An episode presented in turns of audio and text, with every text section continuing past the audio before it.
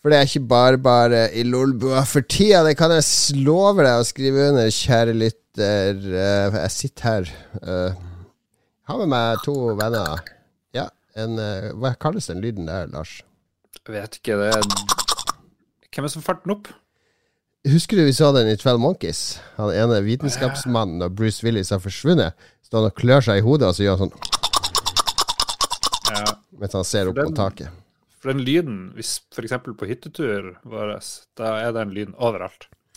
En veldig artig lyd. Den lages jo ved å stramme Kan du lage sånn lyd, Mats?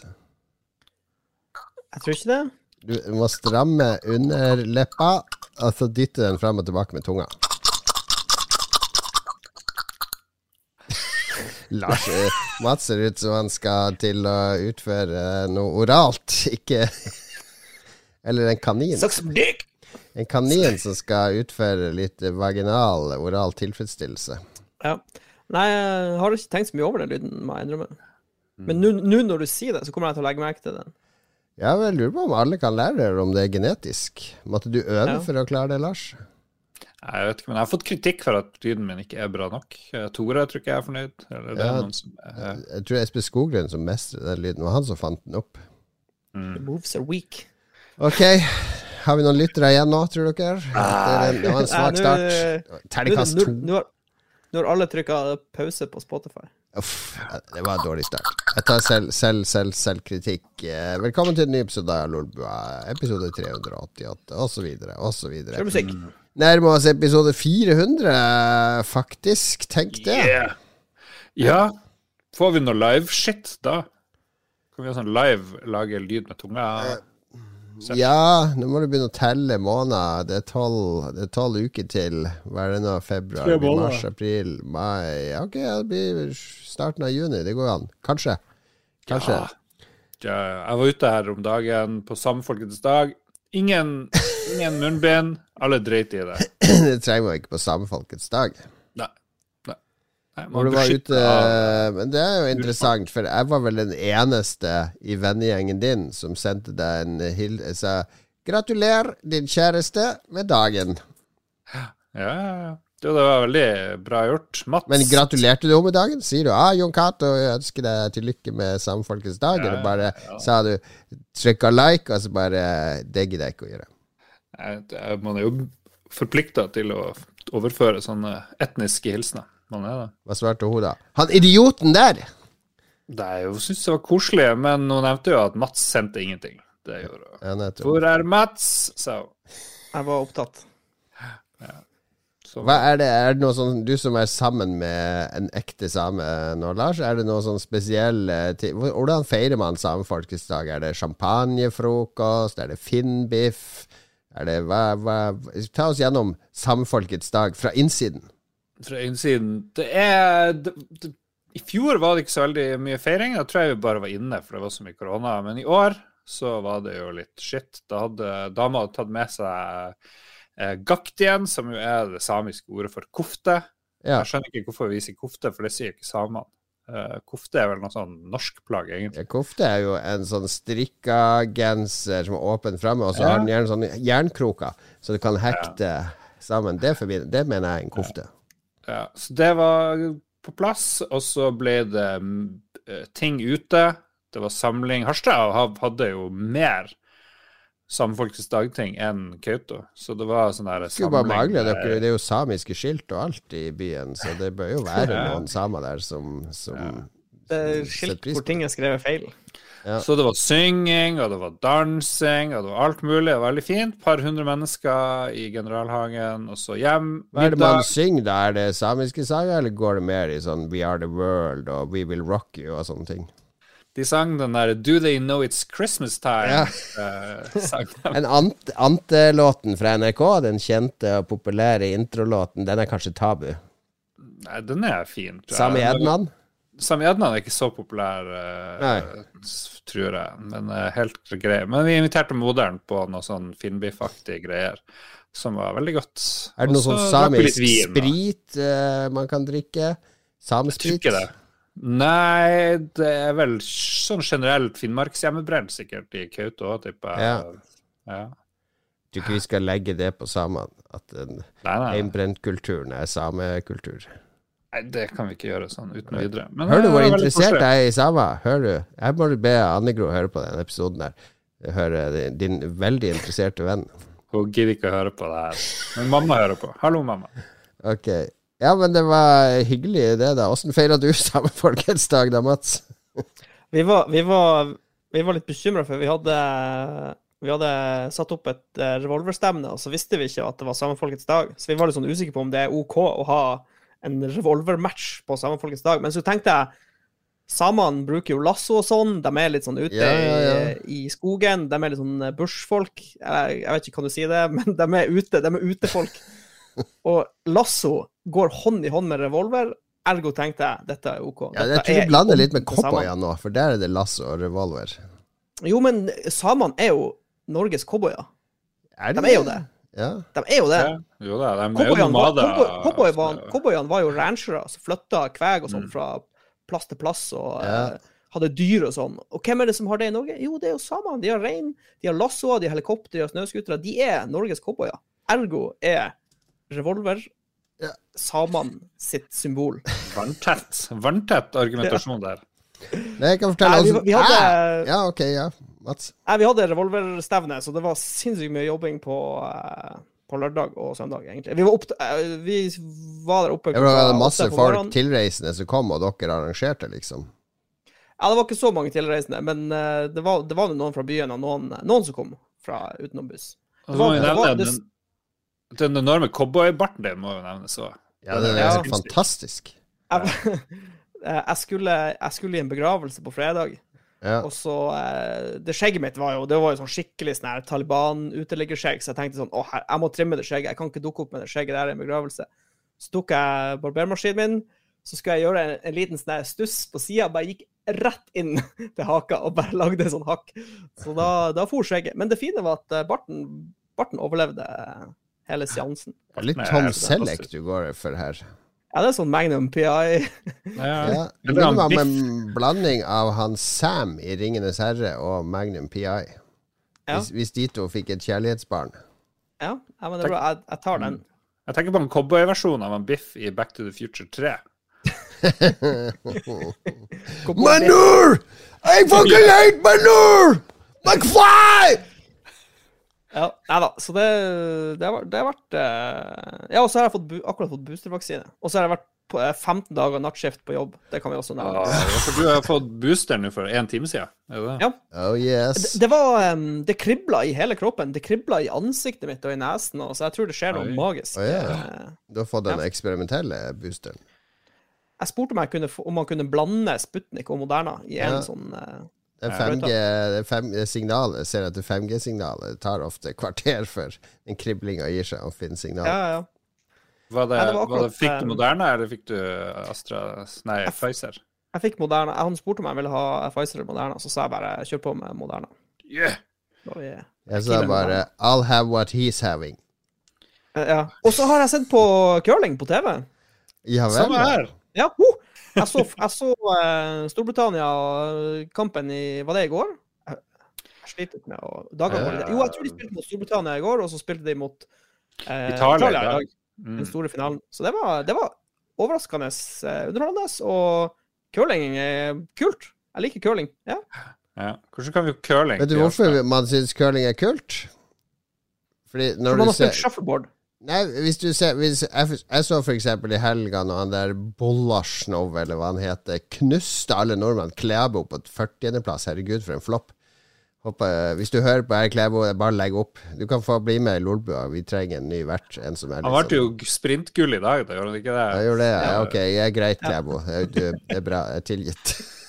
Men han kom på 40 i en sånn der, eh, sånn der De skal drive og ta bytte ski og må gå i sånne ulike stiler. Eh, og da eh, Jeg glemte hva vi snakka om. Eh, curling. Curling, ja! Fordi når jeg ser på det, så tenker jeg Jeg hadde akkurat vært på skitur eh, den eh, dagen. Nei, dagen før. Og så bare tenker jeg det kan, Jeg kan jo aldri gå i det tempoet der, når de driver og spurter opp bakken. Og de går jo Det er jo 1 time og 20 minutter de basically driver og spurter rundt på ski. Er sånn, er sånn helt eh, overmenneskelig prestasjon. Mens når jeg ser på curling, så tenker jeg det, det, det, der, er jo, det der kan jo jeg jo gjøre. Det er bare å gå ned på kne, skli framover, og så slippe den der greia. Alle kan gjøre det! Alle kan gjøre det! Det er som biljard. Det, det, er- det kan jeg jo klare. Hvis jeg har flaks og treffer helt riktig, så kan jeg klare akkurat det. Men jeg kommer aldri til å klare å gå fem mil på én time på ski, liksom. Ja, for jeg tenker det samme. Det, det er to Eller det, det er noen få vinteridretter jeg liker. Jeg er veldig glad i skiskyting, og det er fordi når jeg, når jeg står de står på standplass Ja. og står og ligger og skyter, tenker jeg sånn Det der kan jeg gjøre. Jeg kan, få, jeg kan klare 20 treff, men jeg Hvis, kan ikke hvis noen andre det går på ski, og så venter de, Yes! og så de kommer Yes, Yes, jeg kan skyte. Som tag team. En, en dude som går på ski, og så, Ja. ta, og så tagger han meg inn, og så står jeg og skyter, og så går han videre. Så det, ja. Det, han burde være en på ski, så da drar deg i pulk. Så du ligger bak i pulk med gunner, og så går du inn til standplassen, og så bare må du ta sånn drive-by-shooting. Mens han Konsept. Høykonsept. Herregud, lagt- Norges Skiforbund, Norges Skiforbund, ta kontakt! Vi har ideene for å booste publikum. Publikum Ja, fordi- forsvinner fra skisporten. Vi vet hva vi skal gjøre. For det, for det som er greia, jeg vet ikke om dere har merket det, men det er blitt utrolig mye sånn mixed-greier i alle idrettene. Det virker som de Ja. alt skal være mixed. Så, så mixed er det gamle. Det nye er å ha en utrent og en trent person. Få det til å fungere sammen. For da kan folket, da kan folket connecte til sporten. Ja. God idé. Noen som aldri har gjort det. Kravet er bare du skal aldri ha gjort det før, og da Ja. får du være med. Jeg Nei, du skal være i dårlig fysisk form. Jeg støtter det. Støtter det. Nei, jeg så som sagt Du eh, motsatt dopingtest. Du må, du må kjøre gjennom Cooper-testen før. Hvis du klarer den Du må blåse, blåse sånn alkoholtest. Først må blåse. Nei, du har ikke nok promille. Ta, ta deg et par shot. Sånn. Ut. Ut og konkurrer. Er det er over 1,5. Ok, samefolkets dag, den feirer jeg. Altså natt til samefolkets dag, eller på kvelden før, så begynte vår yngste sønn å bli dårlig og kvalm. Vi var på hytta, der vi har den årlige hytteturen, og så la Synne Ja, han visste at samefolkets dag kom, så han pleier å bli kvalm. vi pleier å holde det skjult for han. Nei da. Han eh, gikk og la seg sammen med min kone, og så var han oppe og spydde i løpet av natta, og skikkelig dårlig form, feber og sånn morgenen etter. Korona. Og ja, alle vennene i klassen hans har jo fått korona den siste uka, så vi tenkte du kommer til å få det, du òg. Og det var Vi hadde ikke noe test oppe på hytta da, så Samfolkets dag gikk jo bare med til å rydde ut og komme oss ned til Oslo fort som F med de tre ungene vi hadde med der oppe. Eh, hjem, teste, og den var selvfølgelig positiv. Så nå har jeg korona i hus. Det var det jeg fikk på same... Takk! Takk, samefolket, for den jævla gaven på samefolkets dag! Men nå blir jo du smitta, garantert. Ja, jeg er sikkert smitta. Jeg testa negativt i dag, så da dro jeg på jobb. Det er lov å dra ut Mm. og, og kline og feste og gjøre hva du vil, så lenge du tester negativt, selv om du har korona i hus. Det var, jeg var hos tannlegen i går, og der spurte jeg om de hadde fått korona hele gjengen, siden de var med så mye folk, men nei da.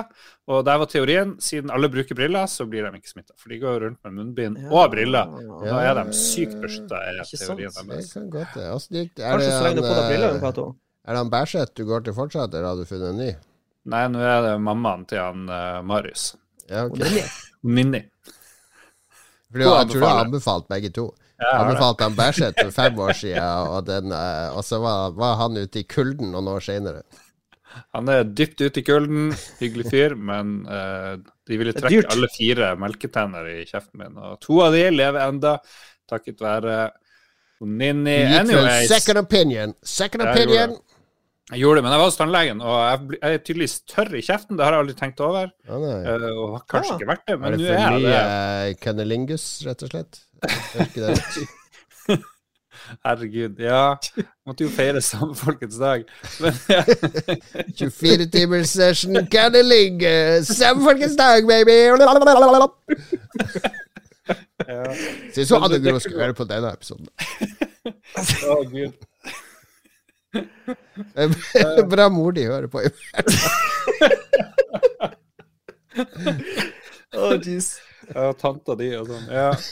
Men uansett, hva, har dere vært tørre i kjeften? For det, det er jo dårlig. Da er det litt spyttproduksjon. det er Da beskytter du tennene dårlig mot uh, hull og sånt, tror jeg. Fa faderen fikk jo kreft i halsen, Og når de kjørte sånn strålebehandling, så mista han jo alt spyttet i uh, kjeften. Og da, da dør jo Da blir jo bare tennene helt herja når de ikke har spytt. Fuck, fuck, fuck. Ja, hva, hva faen er det fordi jeg er gammel? Hva er det som skjer?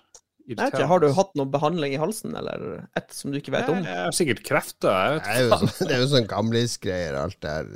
Masse ting som skjer. Det, det går an å få eh, Det går an å få sånn her behandling i sånn trykkammer og sånn for å få tilbake spyttproduksjon. Så kanskje Wow. du kan undersøke det. Wow. Let's hold your horses. Jeg vil ikke ha sånn dykkersyke. Det er ikke så mye trykk. Det er sikkert bare sånn tre bar eller noe sånt. Jeg vet ikke. og så fikk jeg et innspill, apropos curling, som vi har snakka mye om. Eh, Det er perfekt å gjøre masse crimes i curlinghallen, fordi det er så mye Ja. roping. Det er sånn «Hør! Hør! Hør!» Her!» Så Hvis det er noen som blir så rana eller noe sånt, så det er ingen som oppdager det. For det er så mye gauling. OK, Lars. Eh, hvis vi får en eh, ishall og curlinghall i Harstad, er du med på å lage team da? Absolutt. Eh, Vi, skal, vi har bestemt vi skal på curling med jobben. Men da, da skal jeg adoptere den ropinga. Første gang Første kollegaen som skal ut og, og kaste sånn, skal jeg stå og rope. Ja, er. Jeg tror ropinga er viktig.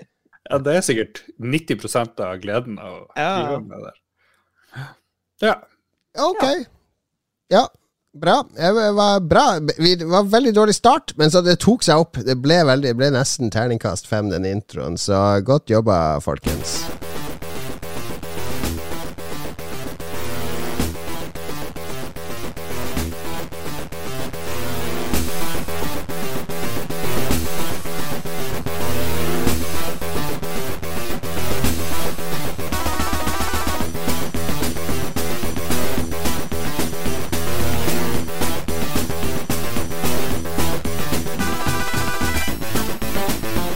Kjente du igjen, Mats. Det må være kjente toner. Oh yes, det var selvsagt Doom. Episode 1 E1 S... Nei, hva heter det? E1M1? Ja. Uh, E Episode E1 uh, map 1. Ja. E1M1. All right. Jeg har lyst til å lage den gruntelyden du lager når du går ned sånn her høyde og sånn. Den ene lyden, eh, de der som skyter fireballs, det er jo en sel. Lyden av en sel, så de bare har pitcha Hva er de veldig ned. impene? Hæ? De impene som skyter som fireballs? Ja, jeg tror det. Tror det. OK. Uh, Drev og forska på det der på 90-tallet. Det er mye bra lyder i Doom.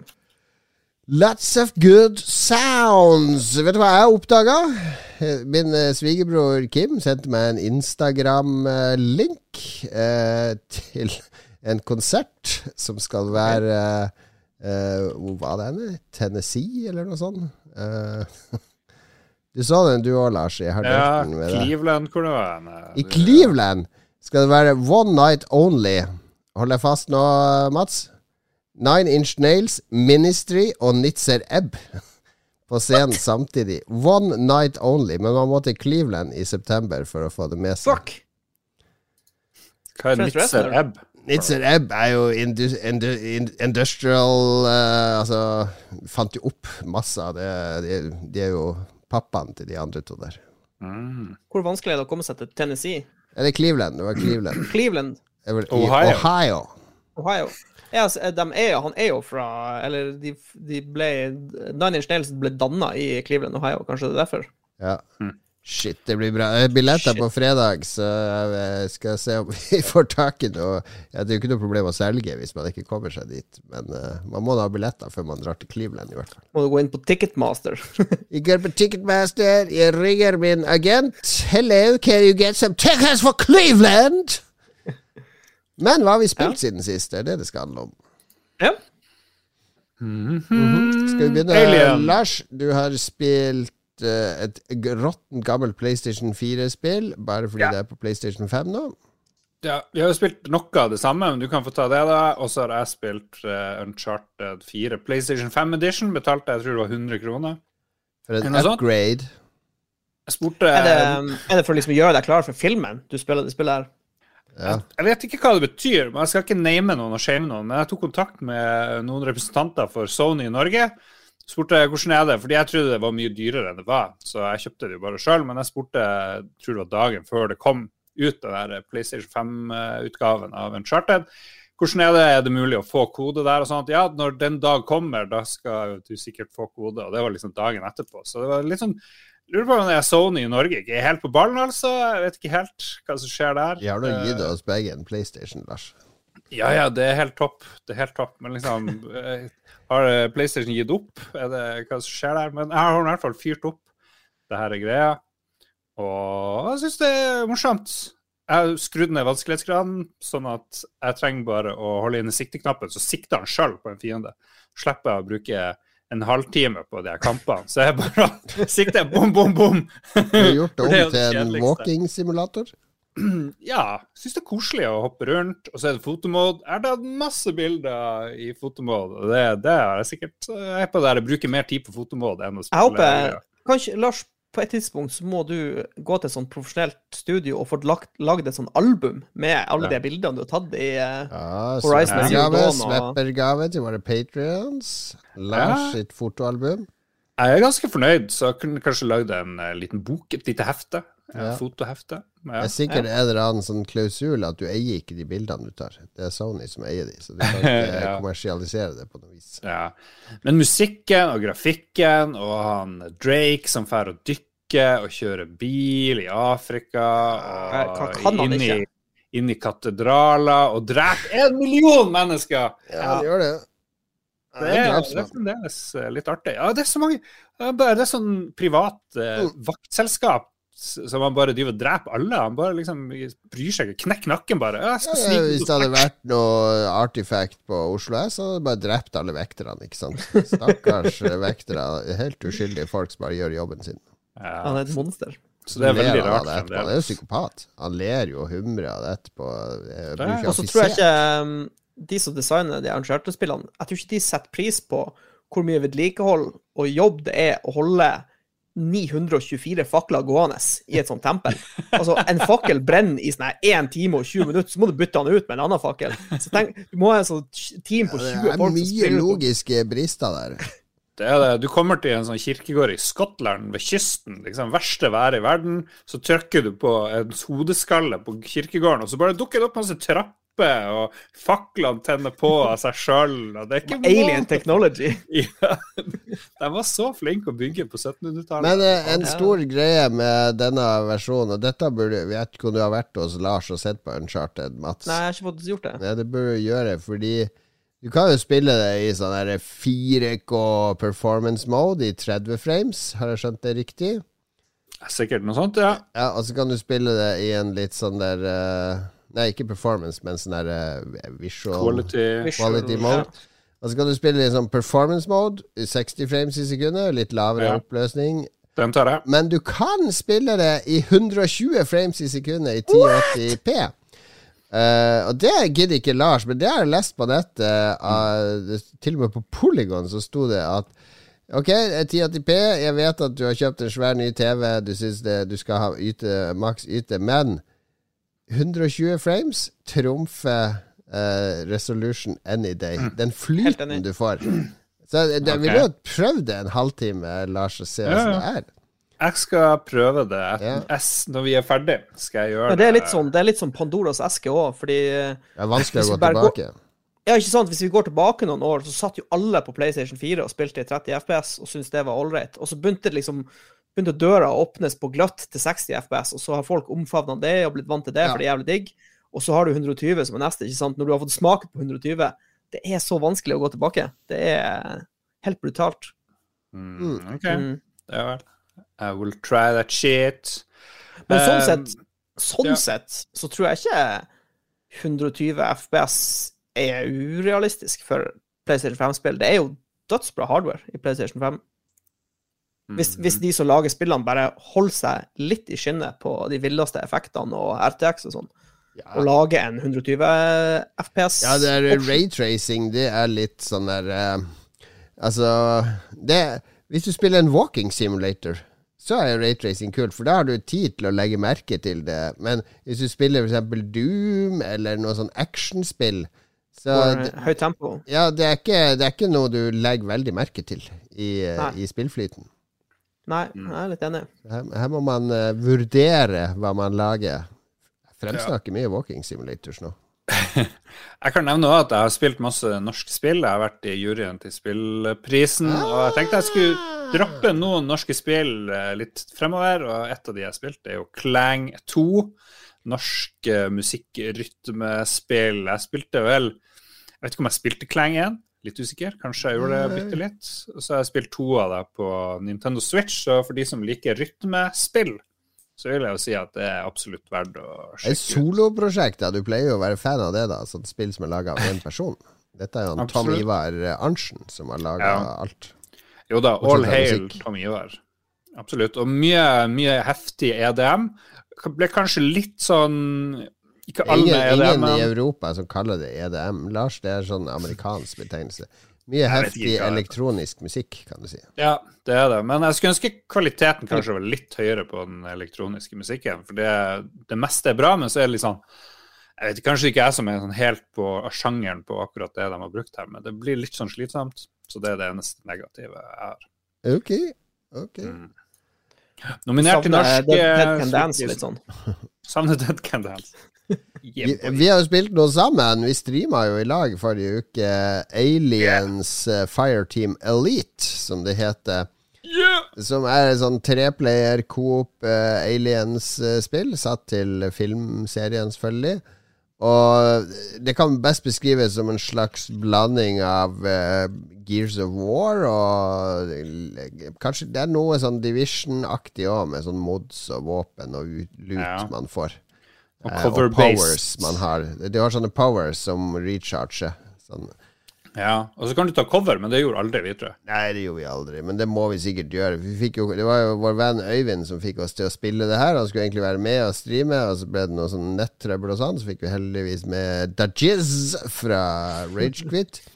Uh, og vi spilte jo på normal vanskelighetsgrad, og ifølge vår venn så er jo det altfor enkelt. Det var jo ikke så vanskelig på normal. Vi, Nei, det var ikke så vanskelig. Men, det var, men jeg var glad for at det var litt lett vanskelighetsgrad, for jeg spilte jo med vast og mus og keyboard og full shit, og og det har ikke jeg fytti gjort. grisen spiller skytespill med mus og keyboard. Oh.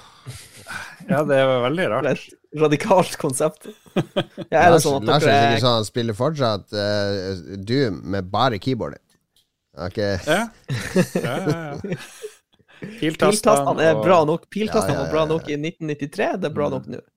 Ja.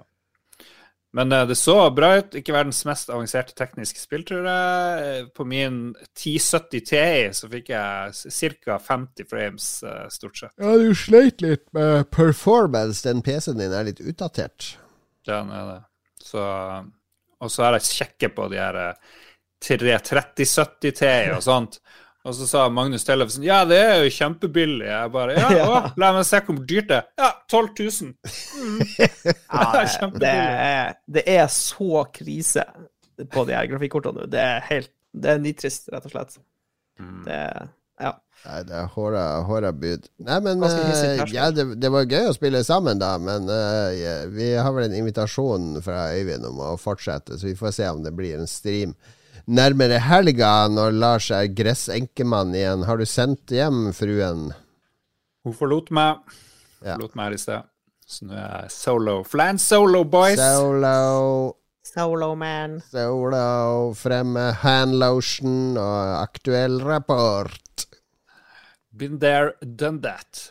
Nå Ok. kommer spøttproduksjonen tilbake igjen. Doing it tomorrow. Jeg har spilt eh, eh, Ferdig å prate om Tarkov, men jeg spiller jo det litt innimellom. Men det er jo kommet et nytt Pokémon-spill, Pokémon Arceus. Som Arceus! Jeg må innrømme at jeg har ikke spilt det så mye, men ungene har spilt det veldig veldig mye, så jeg har sittet og sett på de og, og fulgt med på de og bidratt litt. Og det er jo, de har jo basically tatt uh, Breath of the Wild-motoren, ser det ut som. Uh, grafikkstilen og alt. Og gjort det om til et Pokémon-spill.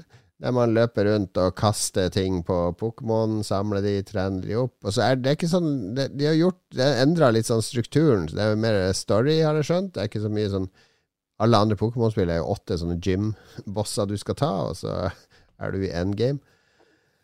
Så det ser veldig gøy ut, da.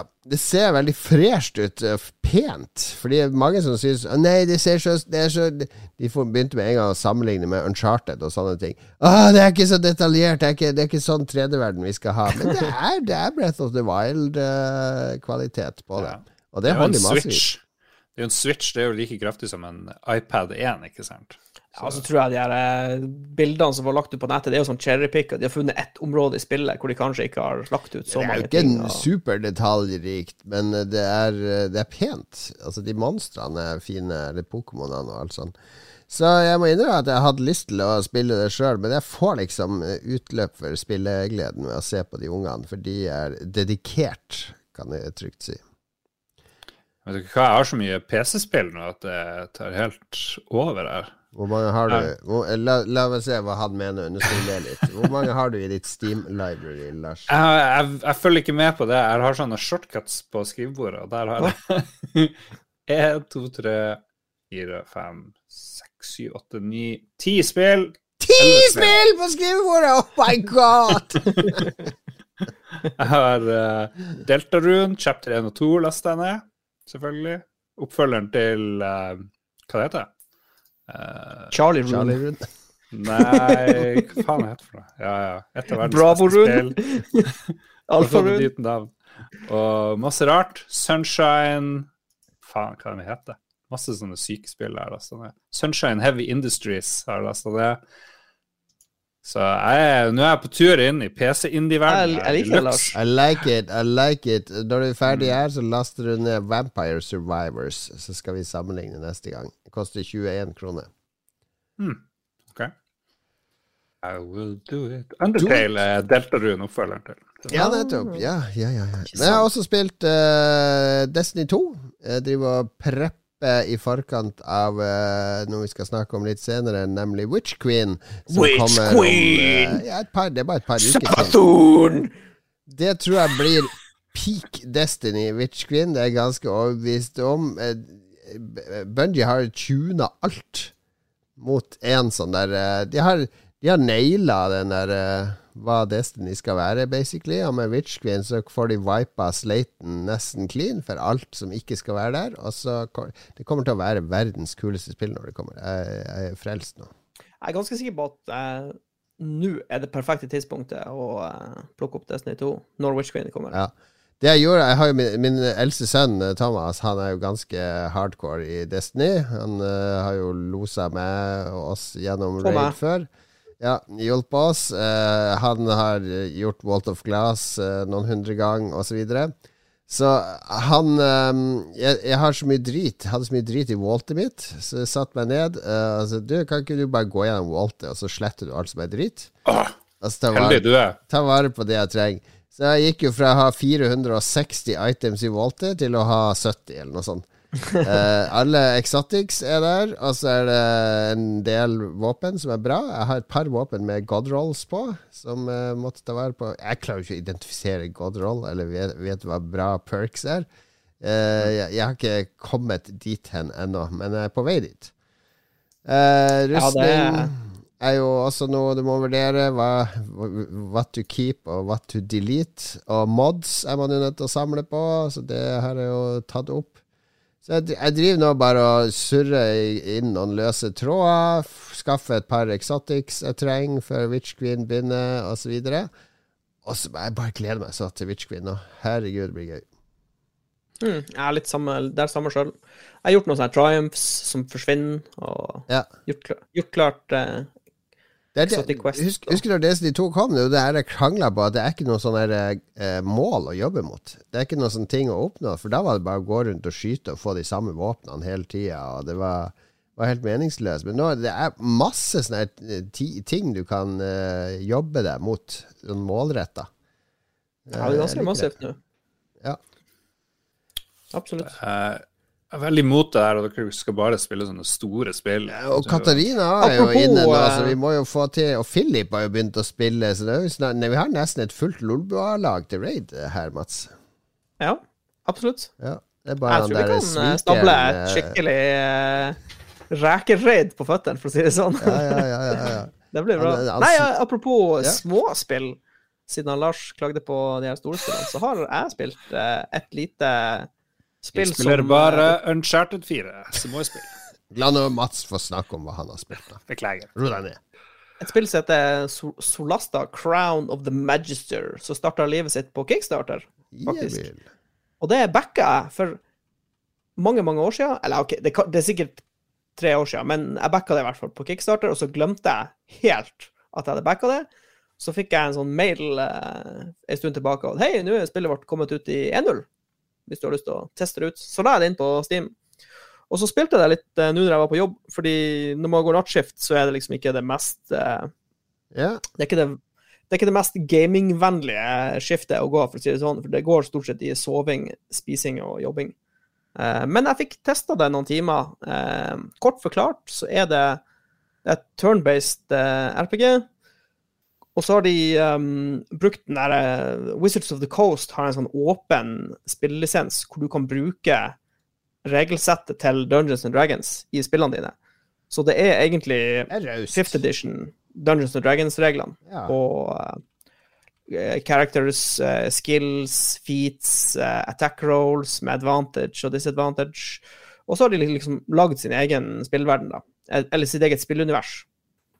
Eh, med sin egen lille vri på, på greien. Og så eh, lager du et party på fire characters, og så spiller du gjennom historier sin i spillet, da. Er det Dungeons and Dragons-klasser og sånn? Ja da, det er liksom paladin og Hva, hva er fighter. og- go-to-en din når du skal ha et party på fire? Dungeons and Dragons, er cleric, fighter, thief, wizard? Nesten. Ja. Eh, Jeg har, akkurat nå så har jeg veldig melee-heavy party. Jeg har en fighter, Mhm. en paladin, Oi. en cleric og en rogue. Ok, ingen, ingen magic? Ingen wizard? Ingen Eller jo, her har jeg en cleric, da. Men det jeg fant ut, var Ekte magi! Herregud, det er jo Snåsamann, er håndspålegging og, og sånne ting. Gjøre vann om til vin. Ja, jeg, jeg, savner, jeg savner wizarden. Egentlig så skulle jeg bytta ut er ikke kamp uten at noen står litt bak deg og roper 'Fireball!' Ja, fordi på et, på et tidspunkt i spillet så får du med deg en wizard eh, en liten periode i partyet ditt, og da var det sånn holy shit, hvor sykt bra det er å kunne fireballe og eh, kaste slip og Wizarden er ofte litt kjip på eh, level 1 når man begynner med det der. De Ja. å fisle med litt sånn magic missiles og sånn. de, de begynner veldig spak, og så på slutten så er de jo gudene av å gjøre skade på mange samtidig. Men jeg er veldig tank, har et veldig tanky party, da. Men det som var litt drit, var Og dette er et, her er et pro tip eh, hvis noen har lyst til å sjekke ut Solasta Crown of the Magister. Når du lager partyet ditt eh, Det er fire characters i partyet ditt. Sørg for at en av dem har knowledge arcana. Fordi det er et sånt crafting-system i spillet hvor du lager Du kan lage magiske items yeah. Ved hjelp av en sånn dings. Mhm. Og da må du ha knowledge arcana eller eh, skill i den her dingsen som du får eh, via en Ah. bakgrunn. Så jeg klarte å lage et party som ikke hadde knowledge arcana. Og så, Det fant jeg ut etter sånn fem timer. Jeg kan ikke lage magical items, for jeg har ikke den rette skillen. Og i, av en eller annen rar grunn i 5th edition, så, så de skillene du starter med, det er de du har resten av spillet. Du, det er ikke sånn at du plukker opp nye skills underveis. Du blir bare bedre i de skillene du valgte på level 1. Ja, ja, ja, du kan vel adde skills hver fjerde level eller noe sånt i ekte femte Ja, det, edition? kan, det er mulig du gjør det i 5th edition i eh, Dungeons and Dragons, men i dette spillet så, så er det liksom de skillsene du har på level 1, det er de du blir bedre i, på en måte. Så bare et lite sånn pro-tip. Men eh, jeg liker, jeg liker det veldig godt. Det er, det Er det ikke litt sånn der eh, lo-fi uh, Ja. Baldur's Gate? Uh. Vel, ja, det er en ganske nøyaktig beskrivelse. Uh, det er veldig sånn enkelt. Det er, de prøver ikke på noe fancy shit. De gjør det bare, de gjør ting som fungerer. Ja. Det, det, er, det er ikke noe sånn her vill historie. Det, det er ondinger, og så er du snillingene, og så skal du bare Ja, bli kraftig liker og mose Keep it dem. simple. Det er det vi trenger i disse kompliserte tider med Putin Og og si Kina og alt. Fire, characters i partyet er det perfekte tallet. Hvis du Ja. kommer til meg med et spill, og jeg må lage fem eller seks karakterer, så kan du reise til helvete. Fire er maks. Fire eller tre. Ikke noe mer enn det. Reise til helvete, det var voldsomt. Jeg hater spill hvor du må lage sånn Du må bare styre seks characters. Du er hjerneskada hvis du lager et spill hvor du må styre seks characters i et RPG. Okay. Da, da fortjener du å feile som studio. Hva i uh, Bukake-simulator? Hva Er det maks fire der òg? Det Jeg vet ikke. Men jeg husker, jeg, når, jeg, når jeg får en sånn RPG Når jeg fyrer opp et RPG, og det jeg ser, Du vet det her, du har de portrettene på venstresida, og så ser jeg bare at å, herregud. Én, to, tre, fire, fem, seks jeg bare, Det går kaldt nedover ryggen min. Jeg, Da er det rett inn på Steam Review. What the fuck? You want me to play six characters, dude? This is a thumb down. Remove two characters, and I might reconsider. 2000 hours played. Ja, ja. Nei, altså, jeg, jeg overlever fem og seks characters, men jeg, jeg syns bare fire. Fire er et skikkelig bra tall. Det er et magisk tall. Det er Mange av de beste RPG-ene har jo fire eh, Eller action-RPG. Også, også Dungeon Master husker på Amiga. Det var fire. Ja. Det var Ja, et magisk uh, tall. Eye of the Beholder. Baldur's Gate har jo seks, da. Men, eh, Ja, ikke sant? Og det er litt stress. men var det, det var seks pluss to NPC-er. Du kunne gå ut med åtte det- der på det meste. Det pleide det, det som var litt kult med Baldur's Gate, var at, um, hvis jeg husker rett, var at uh, XP-en du fikk når du tok encounters, ble de fordelt på hvor mange characters du hadde. Så hvis du ja. hadde fire characters, så fikk du mer XP. Så jeg Mm. pleide aldri ha uh, det største partyet du kunne ha i Baldur's Gate. Jeg hadde med vilje et litt mindre party, så fikk de litt mer XP og ble litt kulere. Ja, nei, men du, du uttalte feil, da. Fordi hvis uh, Lars Rikard sin eh, bror hadde vært uh, svensken, så hadde han selvfølgelig sagt Boulders. Solasta. Crown of the Magister. Magisterens krona!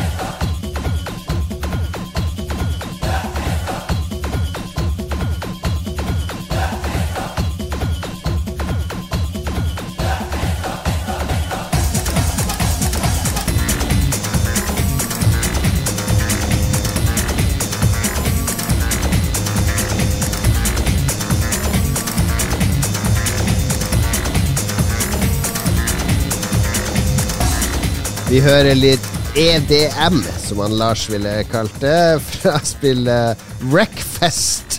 The Yakuza Missions. Jeg tror det er et kjørespill.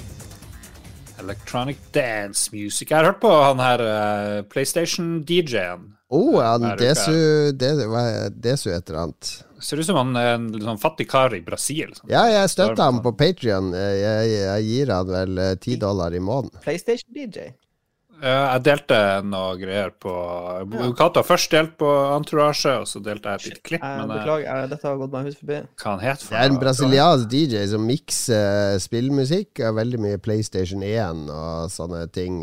Det er mye rave-musikk og drum and bass og sånn på PlayStation 1. Han er ganske flink å mikse sammen òg, og så mikser han med spillene i bakgrunnen. Ja, Kult. Veldig, veldig kult. Er gjennomført, så gladelig en av de jeg støtter på Patreon Gladelig støtter sånne kreative folk som bringer glede inn i livet mitt. Og vi blir veldig glad for at så mange folk syns at vi også bringer glede inn i livene deres, og at de støtter oss på Patrion. Det gjør at Lars får råd til å kjøpe Uncharted-oppdatering for 100 kroner. Han hadde aldri Yes. kjøpt det ellers, for han fikk jo ikke noe kode. Jeg tror ikke jeg fikk en krone fra Patrions i fjor. Det er bare dere andre. Så jeg ber folk slutt å gi Patrion-bidrag. Du må jo legge inn utlegg hvis du, du fikk Der du fikk øl. Så du Nei, det gidder jeg ikke å være med på. Vi kjøpte øl til deg for 800 kroner. Det gikk til Kian, det. Så, fordi du ikke orka å være med på det, så ikke kom her. Trenger du nytt eh, grafikkort, Lars. Men by the way, jeg så soppergavene som nå er kommet inn. Ja, Eh, ikke et ord. Hemmelig. Sykt bra. Verdens sikreste soppergave. Jeg sier bare sick. Ja, de er sikkert Bare gled dere. Gled dere. Holy balls. Gjør døren høyere, porten vid, for nå skal vi slippe inn en uh, barrage. En, en, det er en armé. Det er, det er så Nå står det i kø og banker på utafor. Det er februarspillene som vil slippe inn. Og endelig, etter en mager var ikke den beste novemberen.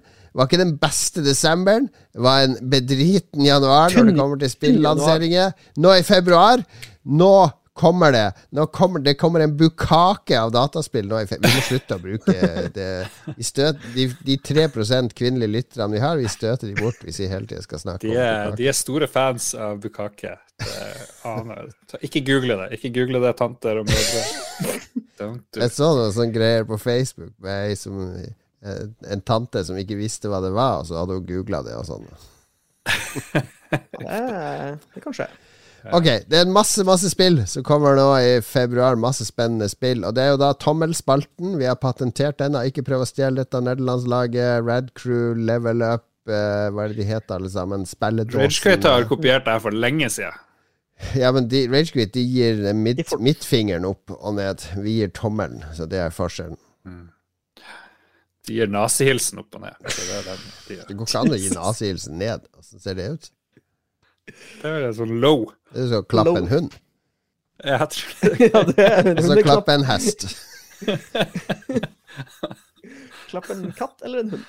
Og så Uh, Lars ok. går rundt. Når du ser en hest, så er du opp med sånn nazihilsen, og folk bare Hva gjør du? Jeg skal bare klappe hesten! Slapp av! Ikke kast meg under hesten. Jeg gjør ikke sånt. Nazihesten. Klappe nazihesten, kom her, naziblakken. Første spillet på den fuckings lista er Dying Light, som kom uh, 4. Det har kommet februar. Ja, det er Ja, Dying Light begynne å komme. 2 heter dette spillet. Eh, det er vel et tyrkisk studio som har laga, tror jeg. Eller, eh, Erdogan. de, de lagde jo opprinnelig en sånn annen zombieserie, Dead Island. Som var litt sånn zombie-RPG Var ikke sånn helt vellykka, syns jeg. Jeg spilte både Dead Island 1 og 2. Ja, de begynte De, de begynte sånn smått med den parkour-greia, men så Mm. perfeksjonerte de det i Dying Light 1, som er et sinnssykt bra spill, faktisk. Det er en klassiker. Ja. Er det en metafor for at lyset, demokratiets lys dør i Tyrkia? Er det det? Kanskje Kanskje det er det. Jeg, tviler på at det er så ditt Men Dying Light 1 var et sjarmerende eh, spill, fordi du, du er i en fanga i en sånn diger by. Uh, med zombier, selvfølgelig. Og så er det noen survivors og noen faksjoner, hvis jeg husker rett. Jeg har anmeldt Ja. det en gang i tida for Aftenposten. Og så er det veldig kul sånn dag-natt-syklus. For om natta så kommer, er det mye mer zombier, og de er mye mer dødelige. Ja, de, det er sykt mye farligere på natta Ja. å drive og springe rundt og Så du må finne shelter og må liksom ut, pushe deg sjøl litt. Og skal jeg gjøre det, eller skal jeg ikke gå dit, og så videre. Og så er det Det noen RPG-elementer. ja. Eneste negativ er at uh, hele Dying Light 1, liksom 95% er liksom perfeksjonert movement og combat og alt. Og så kommer du til slutten, og så kaster det inn en sånn quicktime-event Ah, helt ja. på siste bossen. Så er så dust! Men vi, vi tillater det. Ja.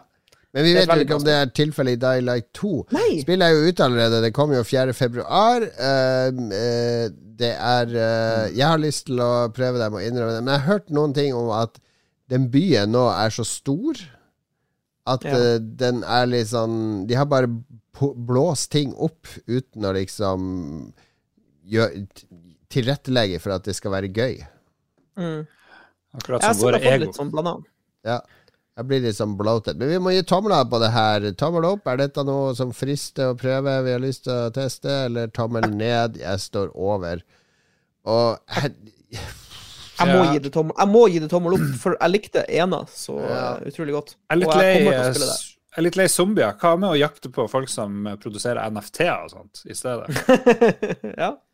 Ja. Så da er det tommel opp hvis det er noe sånt. Nei, det er ikke noe sånt, så du må gi tommel ned. Jeg skal gi det tommel opp, jeg. Jeg fordi det, jeg liker de der quirky actionspillene som ikke er sånn blåkopi av uh, Assassin's Creed eller uh, Sånn som Aliens Fireteam Elite vi spilte nå. Helt fint, men det er en blåkopi av alt annet. Det, det, har, ikke, det har ikke, vært- ikke veldig mye egenart, ikke sant? Jeg liker at det er litt egenart. Gjør, gjør din egen greie i sjangeren. All right, det ble da to tomler opp, én tommel ned til Dying Light 2. Det er altså ute nå, du kan prøve det på ulike formater. Neste ut er Sifu. Sifu. Sifu. Hva er det? Er det seafood? Er det det det står for? Jeg tror det. Jeg tror det.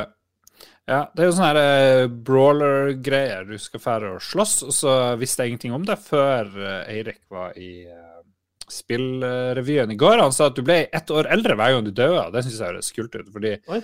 De kuleste uh, martial arts-folkene er jo 90 år gamle. Så da er Og du det er de som så... lagde Absolver. Ja, stemmer det. Ah. Stemmer det. Hvilket land er de herfra? Er de fra Tyrkia, de òg? Slowclap. Ja. Pierre Tarno, Jordan Layani, ja. Skal være utrolig vanskelig, Aurelie han men har fått mye god eh, kritikk.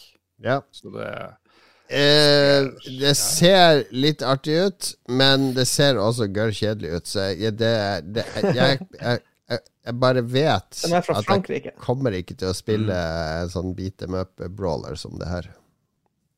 Beklager. Det er jo, det er jo ikke sånn Streets of Rage-greier. Det er jo 3D og Her står det på PlayStation sin norske side Sifu er et stilig, men hardbarket slåssespill. Er det en motsetning mellom stilig og hardbarket? Nei, jeg tror ikke det. Skjerp deg, oversetter.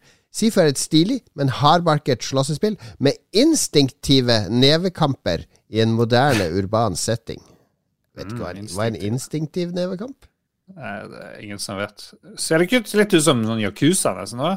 Bare når du går rundt og slåss? Det burde jo du like. Det er sikkert Yakuza uten humor og Ja, det kan hende jeg liker det.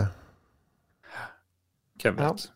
Hvem vet? Jeg, jeg må, må spille det her, altså. Jeg må det. Jeg, jeg kan gi det tommel opp, og så kan jeg spille det sammen med Lars. Ja. Tommel opp her. Ok, tommel ned fra meg. Jeg kan ikke få tre tomler opp. Det er Ja, det er bra. bra Cato. Bravo, bravo, bravo. Neste ut er Ollie Ollie World. Dette er da et skateboardspill, faktisk et 2D-skateboardspill med 3D-grafikk. Uh, har fått amazing eh, anmeldelse av uh, Eurogamer, blant annet, som vel ga det en essential. Uh, ser Ja. supersjarmerende ut. Det er litt sånn Adventure Time-aktig grafisk uh, selvseida stil. Og det ligger og venter på meg i Steam-biblioteket. Jeg hadde tenkt å kanskje streame det i morgen for uh, lytterne. Mm -hmm. Så det er stor tommel opp fra meg. Dette ser ut som akkurat det jeg trenger for å eh, nærme meg våren, både i sinn og, eh, og i spill. Jeg har sånn greie mot skateboardspill. Jeg tror ikke jeg liker noen av de. Jeg spilte kanskje litt uh, sånne der greier Det, sto, det store spørsmålet er Ja, På et tidspunkt i spillet dukket det opp en Millen Collins-sang. Det Dette er jeg. veldig kritisk for om jeg gir det tommel opp eller tommel ned. Det, jeg, jeg vet ikke. Vet ikke. Jeg, men det Det ser der jo smashing ut, da. Det ser jævlig kult ut. Og jeg, jeg har en jeg liker Jeg liker skateboardspill. Eller jeg syns det er kult. Jeg spiller de vel altfor lite, men jeg, jeg skulle ønske jeg spilte dem mer. Du nevnte Alto, er ikke det snowboard? Var ikke det snowboardspill? Eh, Anyway. jo, jo, men det er jo to sider av samme sak. Det er jo basically samme type mekanikker. Mm, Ja. Verden du er i, heter Radlandia. Det er litt kult, da. Landia. Det dukka plutselig opp eh, reklame for en kniv som heter Husk. Hvor det er en av de her Will It Cut-karene som skjærer gjennom ti tomater med ett hugg. Mats, det her er noe for deg. Hva vil vi snakke om nå? Det dukker opp på YouTube her, reklame Nå må du slutte. Nå må du holde deg Kniv. til sendeskjemaet. Slutt. Slutt. Vi skal videre. Ok, tomla. Det ble, ble det bare tommel opp fra meg og to ned fra dere? Nei, jeg, jeg vil gi tommel opp. Ok, ja, foreløpig er alt fått to tomler opp. Ja. Eh, Og nå eh, har vi kommet til eh, hva er det du driver med nå? Husk Legg inn kniv. 'husk kniv' i sendeskjemaet. Det så veldig bra ut. Jeg, okay. Bare, jeg vil ikke at noen skal gå glipp av den awesome kniven der, altså. 70% off. okay, beklager. Good lord. Ok, neste ut, eh, Mats. Har du hørt om spillet Crossfire? Ikke, det er ikke det som er laga av Frank Tore Hansen i Oslo. Frank lagde Jeg har ikke hørt om spillet Crossfire. Eh, Hva hvis jeg sier at det er det mest spilte dataspillet noen gang? I don't believe you. Det er eh, over én milliard spillere i 80 land over hele verden. Det er eh, basically en koreansk Counter-Strike. Kom i Sør-Korea i 3. mai 2007. Og ble superpopulært i Asia. Det har tjent over 12 milliarder dollar eh, fra lansering i 2007 til 2018. Et free to play Counter-Strike-type spill. Det kommer er nå. Det er jo, det er jo mobil, basically, spill, eller cheap ass PC-spill. Det kommer nå i oppussa versjon til Xbox og PC, med singleplayer-del. Det er en military shooter, og multiplayer-del. Singleplayeren er laga av Remedy Entertainment, altså det finske studioet bak What?! Alan Wake og osv. De har laget- de har holdt på i fem år å lage singleplayer til Crossfire X. Holy shit. OK, jeg er intrigued. Du er intrigued, Mats. er, jeg, Ja. jeg føler at det er din plikt i Lolbua å sjekke dette ut. Du er vår skytespillekspert, online Ja. skytespillekspert. Det her eh, Lolbua betaler eh, kostnaden for spillet for deg. Jeg kan, jeg kan gi det Jeg skal ta og spille det, og så skal jeg gi det én til seks scavs. Ja, gjør det, gjør det. Men det er eh, Det kommer ut av ingensteds. Eh, Microsoft og andre ville løfta det til Jeg har ikke fått med meg at Remedy har jobba på det her. Nei, det, Det er jo kult, da. det var han eh, Erik Fossum i Pressfire som gjorde oss oppmerksom på det, for han var med i forrige episode. Jeg hadde jo ikke lagt merke til det Crossfire Nei. X, men det er gigasvært! Gigasvært. Ja, det er plutselig uh, Smilegate uh, Entertainment overalt nå, for det er jo de som har uh, lagd det der Lost Ark òg, ja, nettopp. Ja, det kommer vi til etterpå. Smilegate, stort, stort, stort stort selskap, og nå kommer da konsollversjonen av Crossfire for første gang. Så ja. tommel opp fra Mats, håper jeg. Selvfølgelig. Jeg får en tommel opp fra meg og Jeg syns det er gøy med den uh, asiatiske kulturen som kommer. Jeg syns det er gøy når det kommer ikke de der uh, dumme mangafigurene og det der, uh, der surret som vi, vi, skal adoptere her i Vesten. Kom med en hardcore military shooter laga på asiatisk stil. Jeg gleder meg til å se. Tommel ned fra Lars. Veldig, veldig bra. Det Lost Ark er jo samme selskap, Smilegate. Uh, jeg vet at det er mye hype rundt dette spillet. Uh, det er et, For det er jo egentlig et gammelt spill, på en måte? i anførselstegn. Ja, et gammelt koreansk spill, men det er det er, det er, en slags RPG som du kan Eller det er ikke et MMO, men det er et RPG med MMO-elementer, sånn som jeg har skjønt. Det lanseres ja. i dag. Hvis du kjøper en av Founders Edition, eller så kan du spille det gratis om tre dager. Stemmer det. Du kan være, du kan være mage, martial artist, warrior, gunner eller assassin. Å oh, nei, det er, det er seks characters i partyet. Nei da, det er ikke det. som er litt, det som er litt spesielt uh, Jeg så um, Jeg har noen venner som har begynt å spille det i dag. Jeg skal vente litt sjøl med å spille det. Men ja. um, det som er litt spesielt, er at uh, klassene er fordelt på kjønn også. Så det er liksom noen klasser Oi. som bare damen kan være, og noen okay, klasser som bare guttene kan være hvis du skal være kokk, så, så, er det bare damer, liksom? Er det litt sånn kjønnsdiskriminerende, eller er det Nei, det er sånn herre uh, Hvis du skal være Deathblade eller Gunslinger, så er det bare liksom uh, Du må være gubbe hvis du skal være den klassen, og så må du være dame hvis du skal være den klassen. Det er litt merkelig system. Ja. Crazy. Men jeg, jeg har sett noen um, noe videoer av, um, av, gameplay, og det ser ganske sånn spektakulært ut når du driver og kjører angrep og sånn. Det ser veldig ja, fornøyelig ut å sprenge monster. For det er så det er, Ting eksploderer. Det ser veldig voldsomt ut, men uh, ja. Jeg, jeg har lyst til å prøve det, og det er bare det jeg vet av alt som er rett rundt hjørnet nå. Sånn det har akkurat samme problem, fordi dette er, uh, dette er ikke Diablo. Dette er mer World of Warcraft enn det er Diablo. Så det er mye sånn grinding og leveling og sjohei. Det, det liker jeg liksom, for så vidt. Det er koselig, det, da, men jeg har, jeg har andre ting jeg skal grinde. Ja, for nå kommer Witch Queen og Elden Ring. Ja. Så ja. Ja, men jeg, jeg gir det tommel opp. Jeg tenker Jeg håper det får fotfeste. Fordi det blir, jo, det blir, jo, et kontinuerlig spill som kommer til å leve, og da kan jeg hoppe inn ved et senere tidspunkt. Tommel opp for Sør-Korea. Hva med deg, Lars?